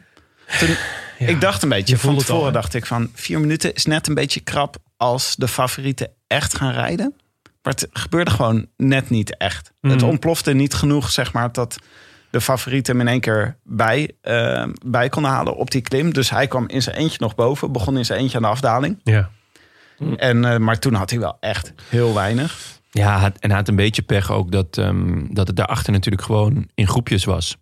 Dus dat, eh, dat die jongens voorop, dus de Roglic, Pogga en Landa, Bernal, ja, die wilden wel rijden. Want die, die waren bezig om, eh, om die boys erachter op achterstand te zetten. Dus ja, Quintana vooral, denk ik. hè? ja, zeker. Maar ook eh, Guillaume Martin en ehm Oeran, die toch ook gewoon wel echt in orde is. Ja, Eh, vind ik echt wonderbaarlijk. Na die val van vorig jaar Ja. eh, in de Vuelta en eh, slechte Dauphiné. En als je zijn Instagram het afgelopen jaar hebt gevolgd... dan denk je dat hij, eh, dat hij eigenlijk nooit fietst. Alleen maar feesten met Froome, toch? Ja, Ja. winkels openen. Vissen met Froome. Ja. Maar ik Heb vond, je zijn biografie, over, eh, even zij, zij stapje voor Oran. Zijn, eh, zijn biografie is uitgekomen. Vooralsnog alleen in het Spaans. Maar eh, het maakt ook niet zoveel uit. Maar het grappige is dat hij op de cover kijkt hij, om zijn, kijkt hij over zijn linkerschouder. je bedoelt refereren naar het Fino-moment. Ja, ik dacht een mooie knipoog naar, eh, naar het moment in Londen. Dat is eh, zijn signature move natuurlijk. ja, dus ja, hij heeft hij eh, een Dacia mee verdiend. Misschien zou, even voor de, zou ik de hele tijd doen. misschien even voor de mensen die dit- niet weten. Op de Olympische Spelen reed hij met Fino naar de finish. En toen ging hij een beetje opzichtig de verkeerde kant op kijken. Terwijl Fin- Fino aan de andere kant langs hem fietste. Ja, terwijl Oran echt wel een robbertje kan sprinten. Ja. Maar, Ja, er zijn vermoedens dat hij dat expres deed. maar ik vind het dus altijd heel leuk, hè? dit soort etappes. Als je dus zo'n situatie krijgt. Sowieso is de laatste jaren is een finish bergaf. Of een vlakke finish na een bergetappe is vaak heel erg leuk. Eh, dus eh, de finish bergop zorgt er de hele tijd voor dat het kruid een beetje droog blijft tot één kilometer of drie kilometer voor de finish. Maar vandaag kreeg je dus de leuke situatie dat je dus groepjes met favorieten had die bij elkaar zitten. Ja. Dat vind ik altijd superleuk. Die ook nog eens echt flink moesten koersen. Ja, dus het werd echt op een gegeven moment gingen dus eh, Bernal en eh Roglic en eh Pogacar en wie zat er nog meer bij? Landa? De tijger op de tak. Ja, de tijger op de tak zat er. Hij was wakker. Hij was wakker. Ja, hij had zelfs af en toe zijn mond open. Klopt. En geen last van krampjes. Nee. Ja, dat is toch ook fijn? Maar die gingen dus echt koersen tegen de achtervolgende groep. Ja. Met daarin eh, onder meer... Poort, eh, Martin, Quintana, Bardet, Oeran, Mollema. Ja, Poort zat trouwens op de berg. Zat hij er goed bij, hè? Ja, ja. Maar eh, ja, waar, waar hij daarna ineens was. ja hij was in één keer was hij het weer met kwijt. Dalen was het Ja. iets verkeerd gegaan. Ja, nou, ongelukkig. Maar hij is wel in orde. Ja, Maar we, dat zijn zijn nog niet echt- bij, we zijn nog niet bij etappe 9, joh. Nee, Of was dat vandaag? Ja, dat was vandaag, Oh. etappe 9. Jeetje. Persoonlijk record. Ja. Maar dit, is, dit was dus een hele mooie situatie in de race. Dus dan had je dat... eh, je had eerst ehm Hirschi. Dan dat groepje erachteraan met eh, Bernal en, en Roglic. En daarna het groepje met Quintana en, eh, en Poort. En het was echt koersen tegen elkaar op dat vlakke. Dat Ja. is dan echt zo tof. Alle knechten weg. Ja. kaarten op tafel. En, Ja. eh, en gaan. ja, Dumoulin deed dus wel weer kopwerk deze keer voor, eh voor Roglic. En Opnieuw. nuttig. En nu was het nuttig, want hij haalde Pocky terug. Ja, en, en het was nuttig. En het was dus niet all out. Hij ging ook niet helemaal in het rood. Want hij is ook gewoon best kort gefinished. Ja. Hij parkeerde wel even na zijn eh, inspanning. En toen, ja, eh, dat mag maar, ook. Ja, maar toen, toen trok hij zichzelf wel weer in gang. Ja. En inderdaad, kort gefinished. Dus best, eh, nog best aardig. Hey, hij zat in dat groepje met, eh, met Quintana, of niet? Nee, met eh, Valverde en Carapaz Ja, en eh, Yates en Oh, ja. eh, Lopez. Ja. Toch Oh, ja. eigenlijk wel die, die mannen toch best de verliezers van de dag. Dus eh, Yates en Lopez. Ja, ze verliezen En al Mas. 40 seconden. 54. Ja, oké. ja. 54 seconden op... eh, Ja, nee, dat is waar. Ja. ja. Ja, Dus, maar in de, in de afdaling kwamen eh Pogacar, Roglic, Landa en Bernal dus bij Hirschi. Ali. ja. En, eh en Hirschi bleef er keurig aanhangen. Hij eh, hield zijn benen stil. Hè? Hij gokte op de sprint. Hij dacht, ik ga niet doorrijden. Ik ga gokken op de sprint. Ja, maar hij en dacht, nou ja, Dat niet. is, ook, dat is ook heel logisch. Hij heeft gewoon van hun heeft hij de beste sprint. Ja. Alleen ja, hij had al eh, 100 kilometer eh, op kop lopen stampen. Ja, het was echt een end, had hij al alleen gereden. Dus eh, hij ging ook als eerste de sprint aan. Wat ik ook wel weer vet vond. Vond ik ook, maar was dus, eh, ja, dus altijd achteraf is het eh, mooi wonen. Maar eh, hij, had, eh, hij ging wel iets te vroeg. Twee Slovenen. Ja. Weer. Want 1 en volgens 2. mij had hij wel de hoogste topsnelheid. Ja? Ja, Pogacar, die, eh, die, ja, die had het ook door. Dat hij, eh, dat hij, want die kroop lekker in zijn wiel en die kwam er nog overheen. Ja, maar ik denk dat hij toch ook een beetje op de verrassing gokte. Ja, ja, ja dan had hij, ja. Ja, het hing Maar een beetje in tussen een hele lange sprint en een soort en, En een korte En, explosieve. een korte explosieve. En daardoor was het van allebei eigenlijk net niks. Ja, hij had beter voor de korte explosieve kunnen gaan. Omdat, omdat hij daar natuurlijk met die klimmers veel meer het verschil maakt. Ja, zeker na 100 kilometer. Ja, maar ja, die had hij ook al op kop gereden. Arme Ja. Hirschi. Ja, nee, is kloten. Maar hij, was, ja, hij is al een keer tweede geweest achter eh Alaphilippe. En nu eh, derde achter eh Pogacar en Roglic. Mooi om je in Scorita-pool te hebben. Ja, maar toch, ik, die, ehm, weet je, bij dit soort jongens denk ik altijd, eh, dat volgens mij hebben, is de ervaring bij grote rondes altijd, als dan zo'n jongen eenmaal, als je die eenmaal een paar keer hebt gezien en hij is goed, dan, dan komt er nog wel een kans. Dus Ja. ik weet niet of dat hij deze Tour nog een etappe wint, maar die gaat, het is niet de laatste keer dat we hem gezien hebben, Daar gaan we nog veel van horen, wil je zeggen. de komende twee weken. Nou, er is altijd, Is wel toch, zo. er is altijd tijdens de Tour ineens iemand die komt opduiken... en ineens bij alle aanvallen betrokken is. Mhm. Ja. Dat is gewoon altijd, zijn er altijd twee of drie. Ja, en hoe, en dichter je bij de derde week komt, hoe, hoe, minder dat, eh, hoe kleiner dat groepje wordt. Ja, dus dat was... eh, oh. Eh, en dat, dus we verwachten dat Hirschi er nog wel een keertje eh, in, de, in de laatste weken bij zal zitten... en dan wel de sprint wint. Of gewoon wegblijft. Want ik dacht nu dus gewoon, wat, had er, wat was er gebeurd als hij gewoon was doorgetrapt? Ja, omdat hij op een gegeven moment inhield. Ik, nee, dan had hij het niet gered. Nee, Nee. ze kwamen echt zo hard met z'n vieren, kop over Het kop. zijn ook echt, uh, Roglic echt een goede daler ook hè. Ja. Pogacar ook trouwens. Nog even de, de top... eh, nou ja, wat zullen Ja, we doen? dus, ja, Pogacar 1, dus in het groepje. Roglic wordt tweede, Hirschi derde, Egan Bernal vierde en Mika Landa vijfde. Mollema. Even de sprint van Mikael Landa. ja, Die, het ontbreken van een sprint. die had ik op mijn stadsfiets nog wel gepakt. Ja. En die is gejat Ja, trouwens. het is een dus- blauwe band ook, had hij voor. Ja. Swap fietsjes had hij.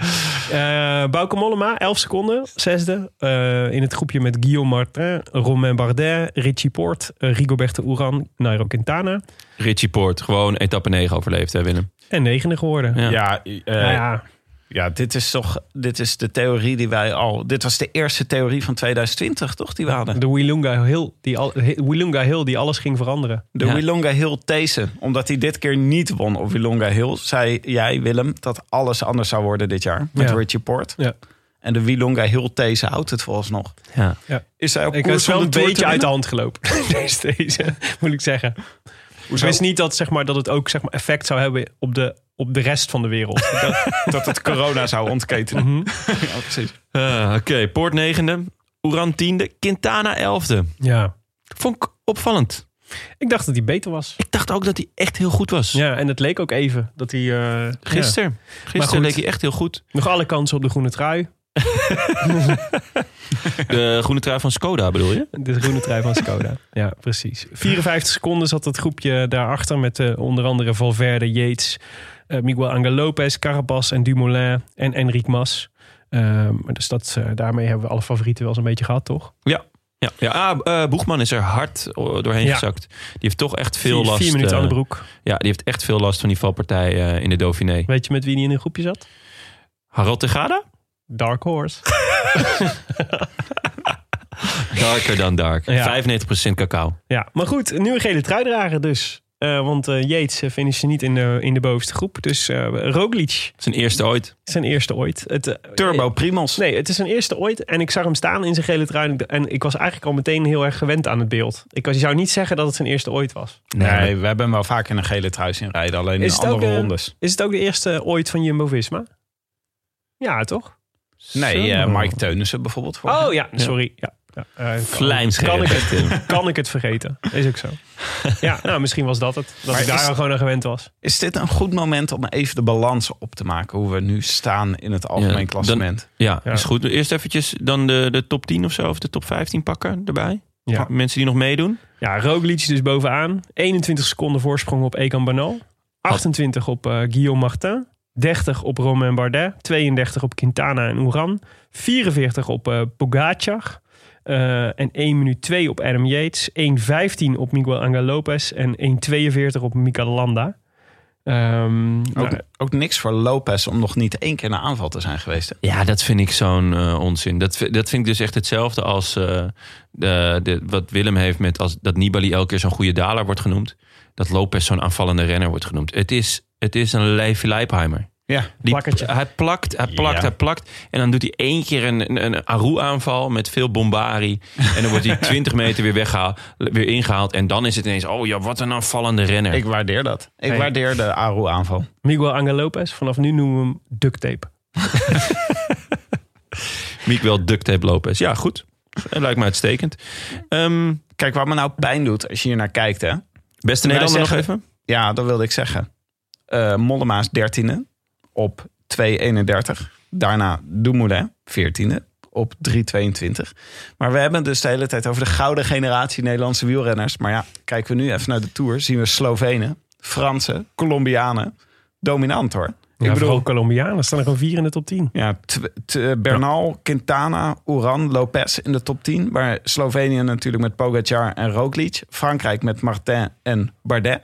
Bardet rijdt ook beter dan verwacht. Bedoel, Veel Het beter. was zijn eigen bedoeling helemaal niet. Nee, die ging voor etappes, zei hij. Maar hij Helemaal zit- bevrijd. ja, omdat Ja. Pinot eh, slecht is. Wisten jullie dat? eh, ik las een stuk over het eh, Sloveense wielrennen. En Bahrein McLaren speelt best wel een belangrijke rol in het Sloveense wielrennen. Die hebben daar een kantoor in Ljubljana. En er zitten heel veel Slovenen in het, eh, in het bestuur en in de crew van Bahrein McLaren. Maar waarom rijdt er dan geen één Sloveen? Ja, dat is ook. Nou, er McLaren? rijden heel veel. Eh, bijvoorbeeld Mohoric.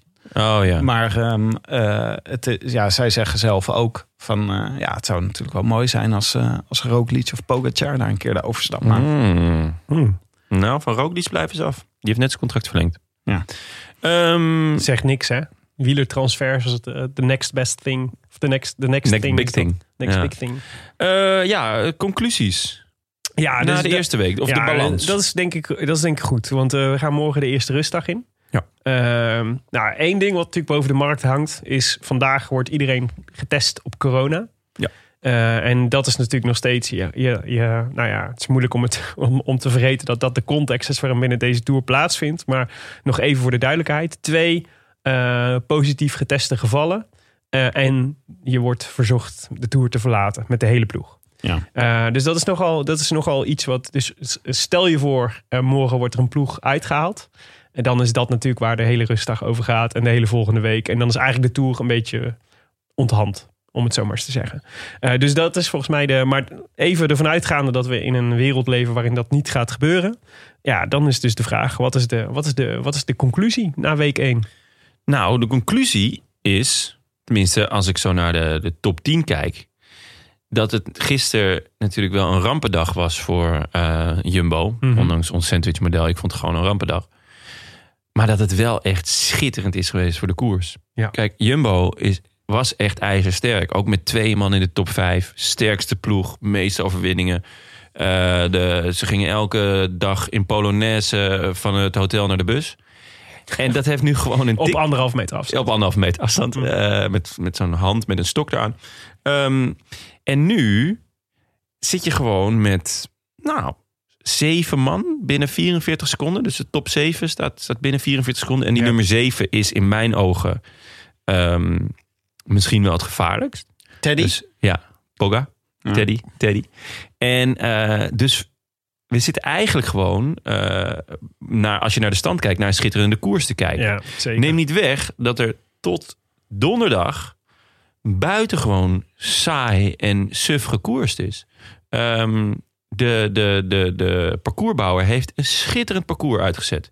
Met eh, leuke eh, aankomsten, ehm, veel middengebergten waar iedereen van alles kan.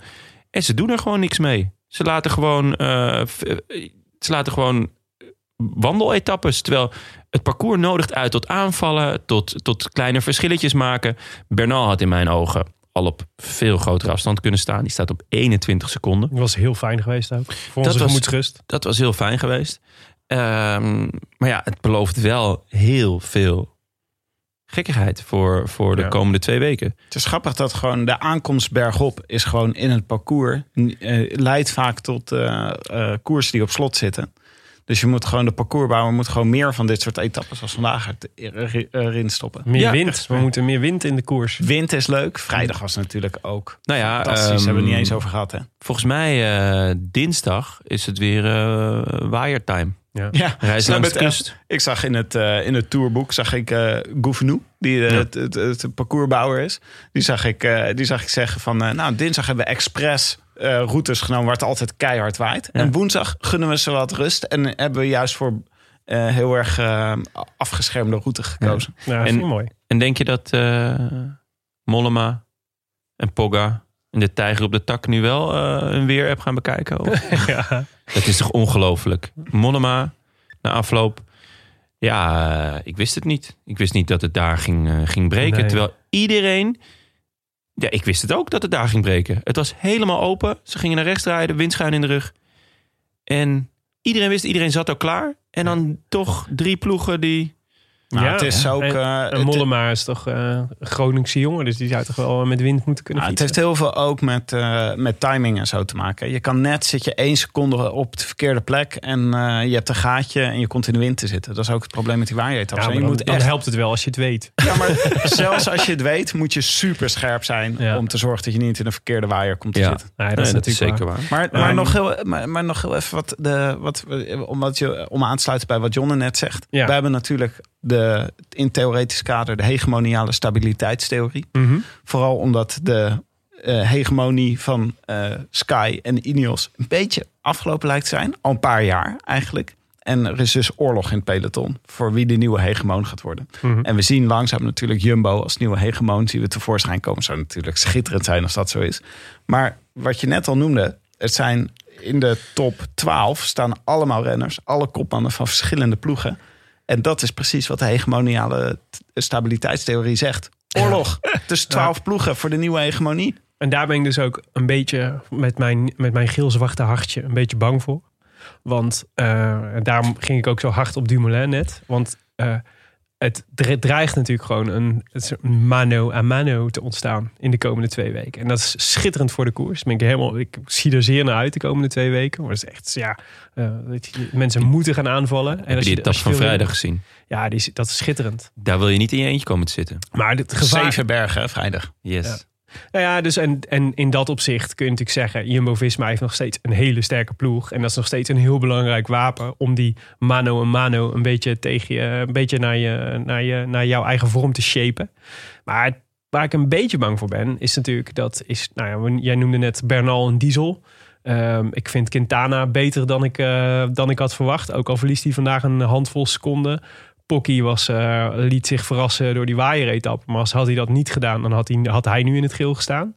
Ehm, het is een beetje het gevoel. En dat is ook dat eh Roglic kwam natuurlijk eigenlijk on fire deze, deze tour binnen. Ehm, waar was natuurlijk nog al, iedere keer de vraag: kan hij het drie weken volhouden? Ik, ik ben een beetje bang voor dat, eh, dat Roglic of eh, gelijkmatig de komende drie weken of een klein beetje minder wordt. En dat er een aantal andere van die, eh, van die zeg maar twaalf eh, toppers die, eh, die in de top 12 staan, van al die verschillende ploegen, steeds beter gaan worden in de komende, in de komende weken. Ja. En, ehm, en, dat ze, en, en dat het dus de mano a mano wordt. En dat de vraag is, kan Roglic dat winnen? Ik denk dat in ieder geval, mijn gevoel is, de, ze, ze, hebben wel, ze hebben kansen laten liggen deze week.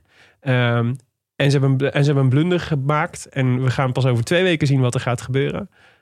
Maar mijn, ik ben minder zeker geworden van een Jumbo-Visma-overwinning in het eh, in de Ja. afgelopen weekend dan dat ik daarvoor was. Ik ook, ik ook. En om, om eh, eh, aan te sluiten bij jouw eh eh, hegemonialiteits... eh, eh, Hegemoniale stabiliteitstheorie. Hegemoniale, hegemonialiteit. Ja, eh, wat, wat bij Sky en later bij Ineos eigenlijk nooit gebeurde, dat, dat iedereen tegen hun ging koersen. Dat vond ik wel dat het een beetje bij Jumbo gebeurde nu. En dat is omdat ze dus de status nog niet hebben, maar ook omdat de rol ze nog niet helemaal past. Mensen hebben zoiets van, ja, wie zijn jullie eigenlijk? Gelijk grote baffel. Grote waffel, eh, eh, Modo die even het peloton ment Ja. als, als, als ware Angela Merkel. Mhm. Weet je, dat, ja, dat, dat kan zich ook tegen je keren. En eh, tot nu toe was het toch wel heel erg Ja. met z'n allen tegen Jumbo. Ja. ja. En Ik dat snap was- het wel. Ik denk ook waarom al die spierballen taal joh, in de eerste week. Ja. Nou, ik, ik heb ook een beetje het gevoel dat ze dat eh, de, ze, ze moeten er even de rustdag aangrijpen om even tactisch goed alles door te spreken en alle neuzen dezelfde kant op te krijgen. Paar met een paar gezegd cruciale jongens. Nou, Dumoulin lijkt me sowieso dat je daar even een gesprek, een gesprekje mee ja, misschien een prozakje of zo. Maar Geesink ook wel een beetje hoor. Dat ik denk, goh, die, de, laten zeggen, die laat zich ook niet van. ik- Voor een renner met zoveel ervaring zou ik iets meer tactisch vernuft verwachten. Eh, die, die, want je, die, had zelf, die kan zelf ook bedenken. eh, met, als je zoveel ervaring hebt. Misschien is dit niet zo handig. Niet het handigste moment om mezelf helemaal naar de kloten te rijden. Ja. Ehm, en de, dus ik, dat is een beetje. Dus ik luisterde ehm, op de weg hier naartoe de Cycling Podcast. En die vond ik wel heel hard. Eh, maar dat is ook, gaat ook wel over het, wat het sentiment wat rondom die ploeg hangt. Dit is natuurlijk, zij hebben natuurlijk een ander perspectief. Zij, kijken, zij kijken juist, ze zijn een beetje eh, meer zeg maar de Ineos-connoisseurs. Ehm, en zij eh refereerden heel erg aan Nicola, Nicolas Portal, die, die ploegleider die vorig jaar overleden is. Ja. Begin, nee, dit jaar. ja, een paar maandjes geleden. Ja, ehm, en die ook altijd bekend stond als eh, zeg maar de, de, het baker van rust in de ploeg van, eh, van Ineos. En ook tactisch brein. Tactisch brein, ja. Die juist altijd rust, rust propageerde. Zei, eh, moet wachten tot je, tot, de, tot je kans komt, zeg maar. Eh, en bij hen was de conclusie, ja, ik zou team Jumbo-Visma een Nicola Portal gunnen. Ja. Ehm, Ja, Zeeman is dat ook wel. Ik vind Zeeman Ik echt, ook. Nee, nee, nee, eh, die hebben we gehad. Maar dus- was echt onder de indruk. Ik ook, nou, absoluut. Maar het gaat, waar het over gaat is natuurlijk... wat is het sentiment wat rondom die ploeg hangt? Namelijk, daar worden tactische fouten gemaakt. En, eh, en, Ja. eh, en, en ehm, dat soort, soort dingen gaat ook een eigen leven leiden rondom de ploeg. Moet er gewoon eerlijk over zijn. Hè? Kan je gewoon transparant over zijn. er zijn fouten Marijn gemaakt. Zeeman geweldig. Ja, maar Ja. dat is toch... Maar dat, is, dat, dat Het kan gaat toch, een eigen leven leiden door bijvoorbeeld podcast. Door ons. Nee. Maar wat ik nu een eigen leven probeer te laten leiden... is dat, dat, dat wij de gezamenlijke vijand worden van Jumbo-Visma. Dan Oh. kunnen wij zeggen, dat, is- dat hebben wij aan bijgedragen. Slim. You take Ja. one for the team. Ja, precies. Ja. Nice. Kom maar op met die middelvingertjes, Toch Robert. de, de Robert Geesink van de Rode Lantaarn noemen we Willem altijd. Jongens, Het is, mooi altijd, moment. het is altijd meta. Meta, meta, meta, deze podcast. Eh, dat was hem wel voor eh, de balans, hè? Ja, nu kunnen we door naar het hoogtepunt, toch? Ja, de voorspellokaal. Ja, nou, Jonne. Pogacar. Ja, ja, ja, ja, ja, ja. Dankjewel, Tim. Ik, eh, Tim, zijn- je bedoelt de enige man die nog geen voorspelbokaal heeft gewonnen. Deze Exact, ja. Tim, de enige man die nog geen voorspelbokaal heeft gewonnen in deze Ja, dat tour. is hard. Ja. En vooral, Het is en- hard, maar waar. En Maar daar vergeet merk je niet- dus aan eh, hoe slecht de verliezer die is. Hè? Want dan zet ik dat eigenlijk onmiddellijk op het moment dat Pogacar wint... Zet ik dat, laat ik het even in de app weten. Van nou jongens, ik had hem voorspeld. Gewoon eh, eh, even feitelijk. Van, En dan gelijk zo, ja lekker makkelijk als je een favoriet voorspelt. Nou, het is wel waar. En Ja, nou wil ik dus eventjes... eh, ik Tim? had eh, de Strade had ik goed en Milaan Sanremo. En toen zei ik toch achteraf, zei ik van ja, jongens, ik moet met- niet met Van de Aert. favorieten gaan voorspellen. Ja. Dus dat doe ik niet meer. Maar- en ik had Bardet. Oké. Maar dan, Heel lekker vandaag. Zeker, Maar, eh, het absoluut. was, eh, het mocht nog niet baten, maar hij is hier voor etappe-overwinningen. Dus ik, wil hier dus op terugkomen. nee, ik probeer overheen te praten. Willem, wie had jij? nee, ik kom er zo meteen ook nog op terug. Dus kom maar door, Willem. Nee, ik had Ties Benoot. Ja, Maar die heeft geen zadel meer. Dus dat is, eh, dat is balen. Hij heeft geen zadel meer. Heb je dat niet gezien? Oh, jullie hebben allebei niet gezien. Uh, Gisteren, eergisteren, de, die, de etappe dat hij in de ontsnapping zat. Of was het donderdag? Toen eh, vloog hij uit de bocht. Oh, ja. Ja. en reed hij, eh, schampte hij een, een vangrail en kukelde hij overheen. Oh, zonder ja. erg, Ja. maar toch Ja. wel eh, zijn fiets, zadel eraf. Dat heb Ja. ik ook gezien. Ja, bij mijn studentenvereniging was dat altijd een manier om iemand homo te noemen. Ja, dat, Hij eh, heeft dat, geen fiets, eh, hij heeft de fiets onder zadel. ja, die Ja, ken in ik. dit ja. geval was het letterlijk. Ja, Ja. letterlijk. Ja. Maar eh, nee, ja, benoemd. Maar een beetje met de theorie eh, van eh, die, die Hirschi waargemaakt heeft. Namelijk, die gaat gewoon mee in de vlucht en dan Ja. eindigt hij solo. Maar ja, helaas. Ja, en Tim, jij, jij ehm, downplayde dus mijn inzet. Van ja, je hebt een, een, een favoriet voorspeld. Dus dan ga, ik, ga je kijken naar van hoeveel luisteraars hebben dit dan ook voorspeld. Hoeveel denk je? 126. Bijna. Twee. Twee. Twee luisteraars. Nou, het is ook de kans natuurlijk ook niet zo heel groot dat iemand twee etappes achter elkaar wint. Dat gebeurt niet zo heel vaak, toch? Dat je dan gewoon. eh Maar hij won er ook geen twee Hij achter won elkaar. toch- toch geen twee achter elkaar? hij won Hans gisteren toch ook? Oh ja, en Hans Peter was het. Zo, zat ervoor. Ja, hij, won, hij, won, hij, won, hij won een hoop Maar tijd. nee, maar inderdaad, de kans dat je twee etappes achter Ja. elkaar wint is niet zo groot. Ja, dat bedoel Dat ik. Sorry, ook dat niet. stond los hiervan. Ik bedoel dat gewoon in het algemeen. Theoretisch. Maar goed, eh, twee luisteraars hadden het goed. Ehm, Ja, heel goed. Tristan en Mark de Lepper. en wie is het geworden? Mark de Lepper. Gefeliciteerd. Goeie naam, Mark de Lepper. Ja, zeker. Maak een goede zadels. Ik ben dat gewoon hoor. Wat ben je? Ik ben dat, Mark de Lepper. Maar goed. Ja, nee, die, eh, nee, eh, we hadden natuurlijk ook... En, eh, ik doe niks af aan je overwinning, Jonne. Maar we hadden vrij laat de voorspelbokaal online gezet. Dus, Dit is zo dus er waren natuurlijk minder jongens. mensen die hebben mee ingezonden. Maar het is gewoon... Tristan en Mark de Lepper waren... Timing is ook belangrijk. Noem je Tristan en Mark de Lepper nou mindere mensen? Dat vind ik echt, echt, Dat echt zou, walgelijk. dat zou ik nooit doen. Ik vind het juist knap. Ik vind dat mensen... Mark de Lepper mag de rest van zijn leven... En Tristan eigenlijk ook wel. De rest van hun leven zeggen dat ze een keer de voorspelbokaal hebben gewonnen. Dat is belangrijk. Er zijn mensen die dat in hun Twitter bio opnemen. In hun LinkedIn profiel. Er zijn mensen die daar banen door krijgen. Minister door worden. Groetjes vecht. Ja.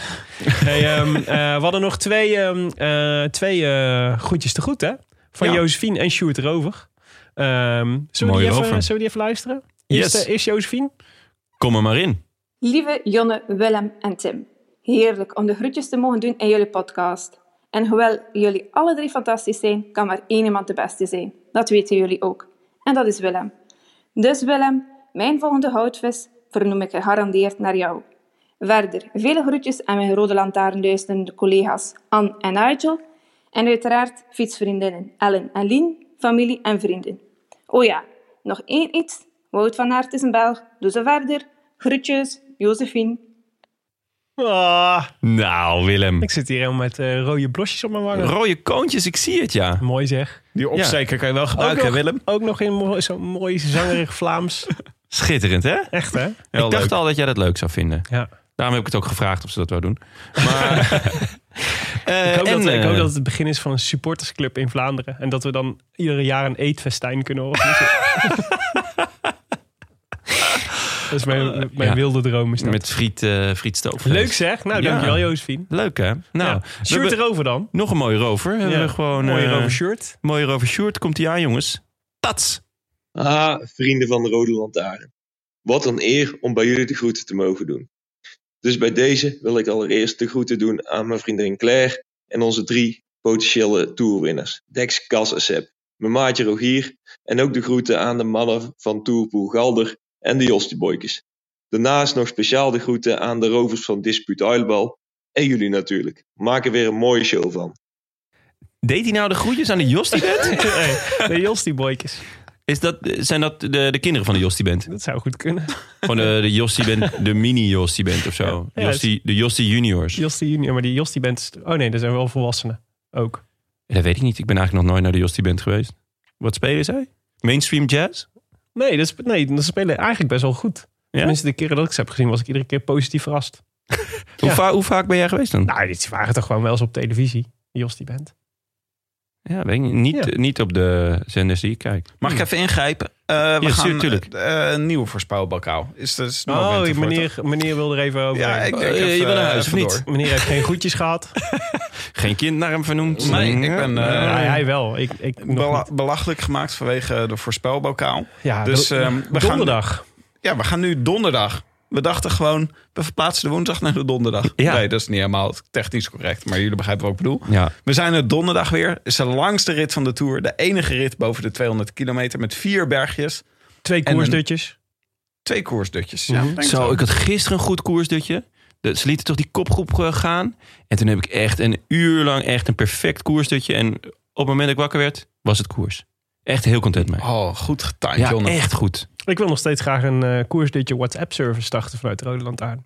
Gewoon er- net nu gewoon- slapen. Nee, ja, nu slapen en ook nu wakker worden. Anne Zo'n wake-up Janssens, call. Anne Janssens die bij mij in de, in de wieler-app zit. De dag en nacht eh, man. Ja, jouw, eh, jouw de compagnon. echte baas. De echte baas.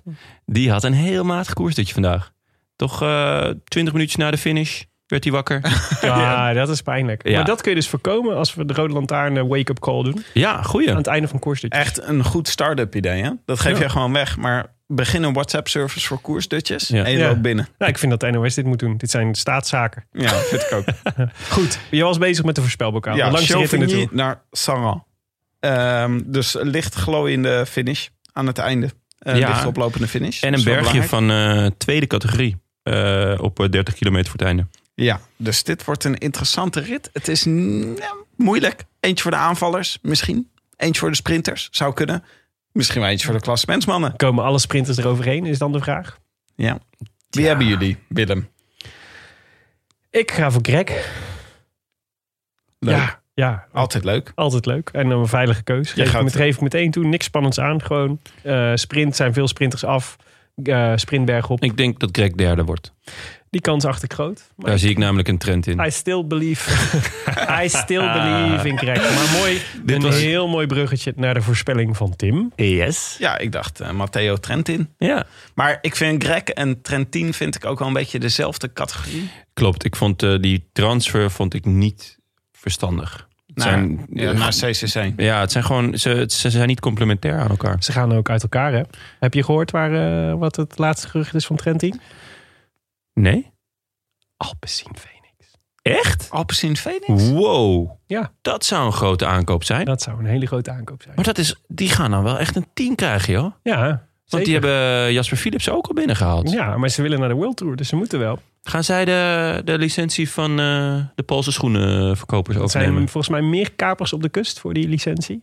Maar ehm, ja, wie weet. Nou, ik begreep ook dat Alexander Vlasov... Maar zou je daar niet, eh, even nog, Ja? zou je daar niet enthousiast van worden? Daar word ik zeker enthousiast van. Maar ik ben ook wel fan hoor van eh Trentin. is een leuke renner. Ja. Maar Alexander Vlasov, Ja. dus die goede Astana, weet je wel? Die Ja, jaarzuiger. ja, ja. En die de, overigens in de ronde van de toekomst... eh, de enige was die Pogacar kon volgen, een paar jaar geleden. Hij gaat eh ownen deze week in de Tirreno. Ja, gaat One deze week in de Tirreno. Die gaat waarschijnlijk naar Ineos Grenadiers. Oh nee toch. ja. Dat werd genoemd in een van de drie sportkanalen in het wielercommentaar. dat is mijn Ik bron. weet niet meer welke. Nee, ik heb het ook gehoord. Dus eh, Scheißegal. we hebben in ieder geval dezelfde, dezelfde geruchtenbron. Maar ik vond Trent sowieso Alpecin Phoenix verbaasd. Ik vond Jasper Philips vond ik al een... eh, een, een in- toptransfer. Ja, maar Trenti- Trentin is wel weer another level, zeg maar, waar je dan in belandt. Another level. Ja. Freak me baby. Ja. Jonne, wie heb jij? Ja, eh, it's gonna be Bora all over again. Eh, ik vond het super vet dat eh, Bora, eh, hoe Bora koerste in die eh waaien-etappe. Eindelijk een, een ploeg die het begrepen had. Er zitten gewoon echt veel bergjes in. In. Ook in de vlakke etappes. En dan kan je gewoon Bennett en Ewan helemaal aan gort rijden. En, En dan Bol. maak je... Ja, Bol. Maar Bol zou eigenlijk dus mee moeten kunnen. En ik vind het dus heel raar dat, dat ehm eh, Sunweb dit bijvoorbeeld niet eerder heeft gedaan... in die etappe van dinsdag of woensdag die Ewan won. Ja. En Bora heeft het gewoon begrepen. Die is het gewoon gaan doen. En eh, de aanhouder wint, jongens. Peter de Grote. Sagan, come on! Doet het ook. pijn, hè, dat hij niet meer zo... eh, Het, eh, met bloedend hart zit ik eh, te Ja. kijken. Ja, ik ben echt fan van Sagan. Ja. En eh, hij rijdt rond met... Ja, met, met, met hangende schouders. Echt? Ik, nou, het is grappig dat je dit zegt. Want ik, ik, hij werd in beeld genomen eh, op een of andere klim. En eh, overduidelijk ging de camera naast hem rijden en eventjes gaan, nam hem even in beeld. En het was eigenlijk volstrekt logisch dat hij daar loste. En een, een, Salan, een Sagan in goede vorm had daar even een grapje gemaakt. Even Ja. naar die camera, even een knipoogje, Een wheelie. even iets geks. Ja. Maar niks, hij keek gewoon stoïcijns voor zich uit. Oh. Een beetje, eh, Veegteken. het gaat nog niet goed hoor met Peter. Nee. Maar goed, ik, nou ja, wie weet. Misschien, eh, misschien aankomende donderdag. Ja. Eh, Tim, even nog over mijn voorspelling. Vind je dit een van de favorieten? Of, eh? Nou, ik denk Is- dat is dit in dit geval wel alle drie een van de favorieten bij de boekies. Ik denk dat ze, als we straks de boekies zien, dat ze er misschien alle drie wel in staan in de top 5. Zou eh, heel goed kunnen. Als je mee wil doen, dan kan dat via de Rode Lantaarn podcast.nl. Dan eh, kom je op onze Vriend van de Show pagina. Ja. En ehm, daar kun je je voorspelling in leveren. En als je wint, mag je de groetjes doen. Ja, we zetten hem online op het moment dat je deze etappe of deze aflevering hoort. Eh, dan kijken we nog even naar Scorito. Eh, aan kop gaat eh, team Joris Zwartjes. Dat is het team van Joris Zwartjes. ja, die is spekkoper. Die heeft Hirschi. Dat scheelt natuurlijk. Guillaume Martin is ook een, een, een puntenpakker. Eh, dus die heeft hij ook. Maar wat ook wel mooi is, is om te kijken wie een beetje de puntenpakkers zijn dit jaar. Dus Oh, ja. van die eh, renners die de hele tijd eh, in de top 10 ergens zitten zonder dat je het door hebt. Kokkaar is er zo eentje. Briand. Ja, Doet goed altijd om zijn mee te best. nemen. Doet altijd zijn best. Zo blijft. Ja, een fijne eigenschap vind ik dat van mensen. Ja. Stuiven eh, is ook een puntjespakker dit, eh, deze tour. Wat een beetje gek is, volgens mij bij Trek doen ze gewoon elke keer eh, doen ze een soort tombola, weet je wel. Wie mag er mee sprinten? En dan zit ineens Stuiver weer bij. Eh, Ja. Dus dat ze, die krijgen allebei de Christophe-bokaal voor onverwachte puntenpakkers. Leuk. Ja, mooi. Dus eh, ja, ik ben benieuwd. Joris Zwartjes. Ik had vandaag echt murder goed gescoord. Ik had gewoon even eh, 390 puntjes. Ja? Ja, en dat mocht ik wel, want ik ging echt heel slecht. Nu sta ik 300 2308ste. Wie is jouw grootste tegenvaller? Wie heb je in je Scorito die helemaal nergens op slaat? Pino. Eh, Bargiel. Ja, Pino ook. Moeten we het daar nog over hebben? Nee, hè? Zieliger. Ja, Ik hoop dat hij snel terug gaat naar zijn ezeltjes. es war Ja. eenmaal. Hoe zeg je dat in het Frans, Tim? Het is niet, eh, het is niet, de, C'est fini al. het is niet, de, tour, het is niet de tour van de renners met huisdieren. Eh, nee. Wout Poels, Wout Poels, Thibaut Pinot, Ja. enzovoort, enzovoort. Ik heb, het, ik heb het vermoeden dat eh niet Zollo ook wel iets van... eh, die zal ook wel iets van een leguaan of zo hebben. Ja, lijkt me een parkieten man. Maar Pino was niet slecht, toch? Die is gewoon gevallen. Nee, hij was Nee, van zijn last rug. van zijn rug. Ja. Ja. Maar dat was wel, Hij, volgens mij ehm, had die val daar wel mee te maken ook.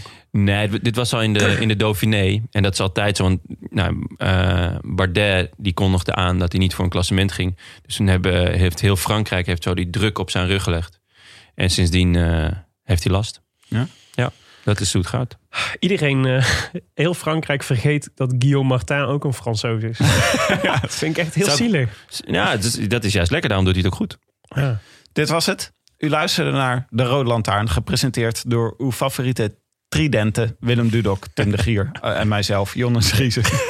Met veel dank- Met veel dank aan onze sponsors Corito en Canyon. Denk aan de kortingscode hashtag fiets van de show 20 voor gratis verzendkosten en een leuke verrassing. Die kortingscode is geldig tot op de finishlijn van de Champs-Élysées. En natuurlijk dank aan de vrienden van de show. Bijvoorbeeld Pepijn Vonk, Sjoerd van Liemt, Sean Was, Wassink, Sean Wassink, Jeroen Herbenkens en Teun Trommels, Trommels en nog eens Trommels. Dankjewel voor jullie steun. Zei je nou wel hashtag fiets van de show 20, de, eh, de kortingscode? Ja? Anders doen mensen het allemaal weer verkeerd. Maar het is toch hashtag Ja. fiets van de show 20. Ja, mag en ik met dacht dat je de kleine letters vergat. en Maar mag misschien met grote letters. Maar Ja, het is ik goed wil dat we dus- nog een keer herhalen. Ik wil dus even steten ook dat, dat Tim dit voorleest en niet ik. Want anders denken ze dat ik zo hakkelend door die tekst Ja, ga. dat Maar is dat is, zo. dus, eh, dat is dus Tim. Oké.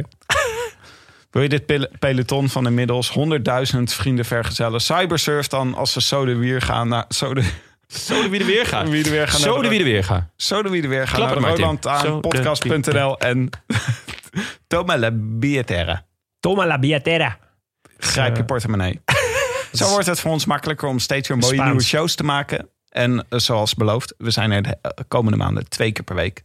Soms op woensdag, soms op donderdag. In principe op donderdag vanaf nu. Hè? Ja, het liefst wel. De Rode Lantaarn wordt verder mede mogelijk gemaakt door Dag en Nacht Media. En het is koers.nl, de wielerblog van Nederland en Vlaanderen. Wij danken hen voor de steun op vele fronten. En in het bijzonder Bastiaan Gaillard, Maarten Visser, Leon Geuyen en notaris Bas van Eyck. Tevens gediplomeerd brandweerman te Made. Daarover gesproken Willem. Zijn er nog updates? Ja, maar het is al, ja, lastig. Want er was een. eh, dus ik maak natuurlijk altijd. Het gaat natuurlijk al. De grap is natuurlijk altijd dat er op wordt uitgerukt en dat er dan niks aan de hand blijft. Dat ze dan halverwege, halverwege weer moeten omdraaien. Maar soms gebeurt er ook daadwerkelijk wat. Wat wel erg is. Was er dus een ongeluk gebeurd laatst. En eh, toen eh, waren twee auto's op elkaar geklapt. Op de Godfried Schalkenstraat. Bij de oprit naar de A59. Afslag Maden. Oh. Menigeen wel eens langs. Ja. Maar ehm, daar. eh, Jij maar- vooral. maar daar moest dus een, iemand worden uit de auto worden geknipt. Was gewond geraakt. Het schijnt allemaal redelijk goed te gaan. Maar dat doet de brandweer dus ook, hè? Dat soort dingen. Ja. Dus toen dacht ik, dat is eigenlijk niet iets om grapjes over te maken. Maar gelukkig hadden we nog een... eh, hadden we nog een Oh, je schrapt hiermee ook gewoon eh, de brandweerupdate. Ja, dat, was- dit was het enige wat er deze week gebeurd was. Ik dacht, ja, Ja. kan we een beetje lollig lopen doen over dat er iemand in het ziekenhuis ligt. En dat de brandweer supergoed werk had geleverd. Maar dat is natuurlijk niet per se heel leuk. Zeker niet. Maar wel goed om even genoemd te hebben. Wel Ja. goed om even genoemd te hebben dat ze ook dat precies. En, en eh, wat wel goed is, want we hebben eindelijk uitsluitsel, Jonne, over ons theedoek versus deksel probleem. Oh ja, kom maar Namelijk, door. Wat moet je doen op het moment dat er eh, vlam in de pan is? Nou, in Tim's geval, die woont tegenover de brandweer. Dan loop je met de pan naar de brandweer. Zeg je, wat moet ik doen? Mijn pan staat in brand. Help. Aanbellen. ja, met een brandende pan. Maar voor alle andere mensen die niet tegenover de brandweer wonen, wat je moet doen is eigenlijk belangrijk dat je wat je eerste actie is. Niet meteen de brandweer bellen, maar eerst proberen om zelf iets op te lossen. Hè? Alles wat je kunt doen is goed. Dus zuurstof afsluiten. Dus een brand is een driehoek. Zuurstof, temperatuur en brandstof. Als je één van die drie weghaalt, dooft de brand.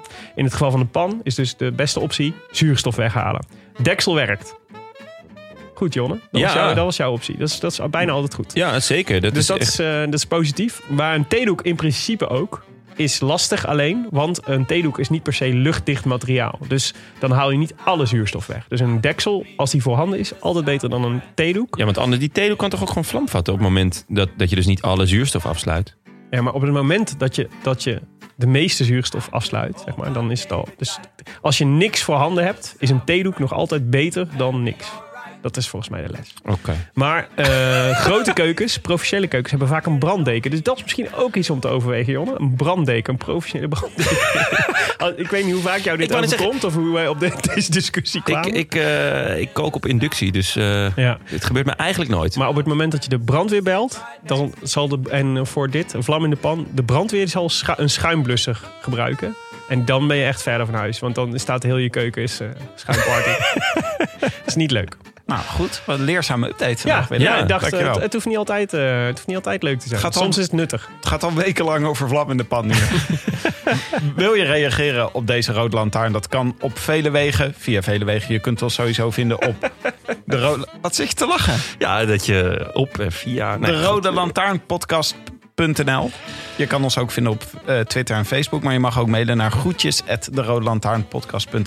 Dat doen jullie nog regelmatig en dat vinden wij superleuk. En we vinden het driewerf heerlijk als je eens een reviewtje achter wil laten op iTunes. Vooral omdat ze anderen helpen de show te vinden. Jonne, hebben we nog een leuke review? Zeker, van Mark Barneveld. Eh, familie van waarschijnlijk. VI, maar dan wielrennen, 5 sterren. Wie is de Johan Derksen van het trio? Tip voor een natje, poesbier, 8%. Ja, wie is de Johan Derksen van het... eh, wie, wie- jij, ben jij Geen een enkele twijfel over. een sluimerende racist? Dan, moet, dan zijn we toch altijd Tim, hè? Tim is toch altijd wel... Eh, waar, ja. Zeker. Met dat rare kleine snorretje van hem zo onder zijn neus. Ja, ja ik zie het wel. Oh, ik, ja, ik dacht, ik probeer heel Beetje snel Duitse Dylan van Baarle ben je. Ik, maar ik, ik dacht, ik ga naar deze review natuurlijk, ga ik alle, res- eh, alle ballen op Jonne spelen. Maar Ja, dat zag ik niet. natuurlijk al aankomen. Ja. Nou, dus de vraag is eerder wie is de Wilfred Gené en wie is de, wie is de René van der Gijp? Ja, Ja, ik vind dat ook weer beantwoord. ja Dankjewel Tim. Goed, wij zijn er eh, aankomende donderdag, meer, donderdag weer. Veel plezier met de rustdag eh, en de komende etappes daarna. En eh bientôt. A biento. A biento.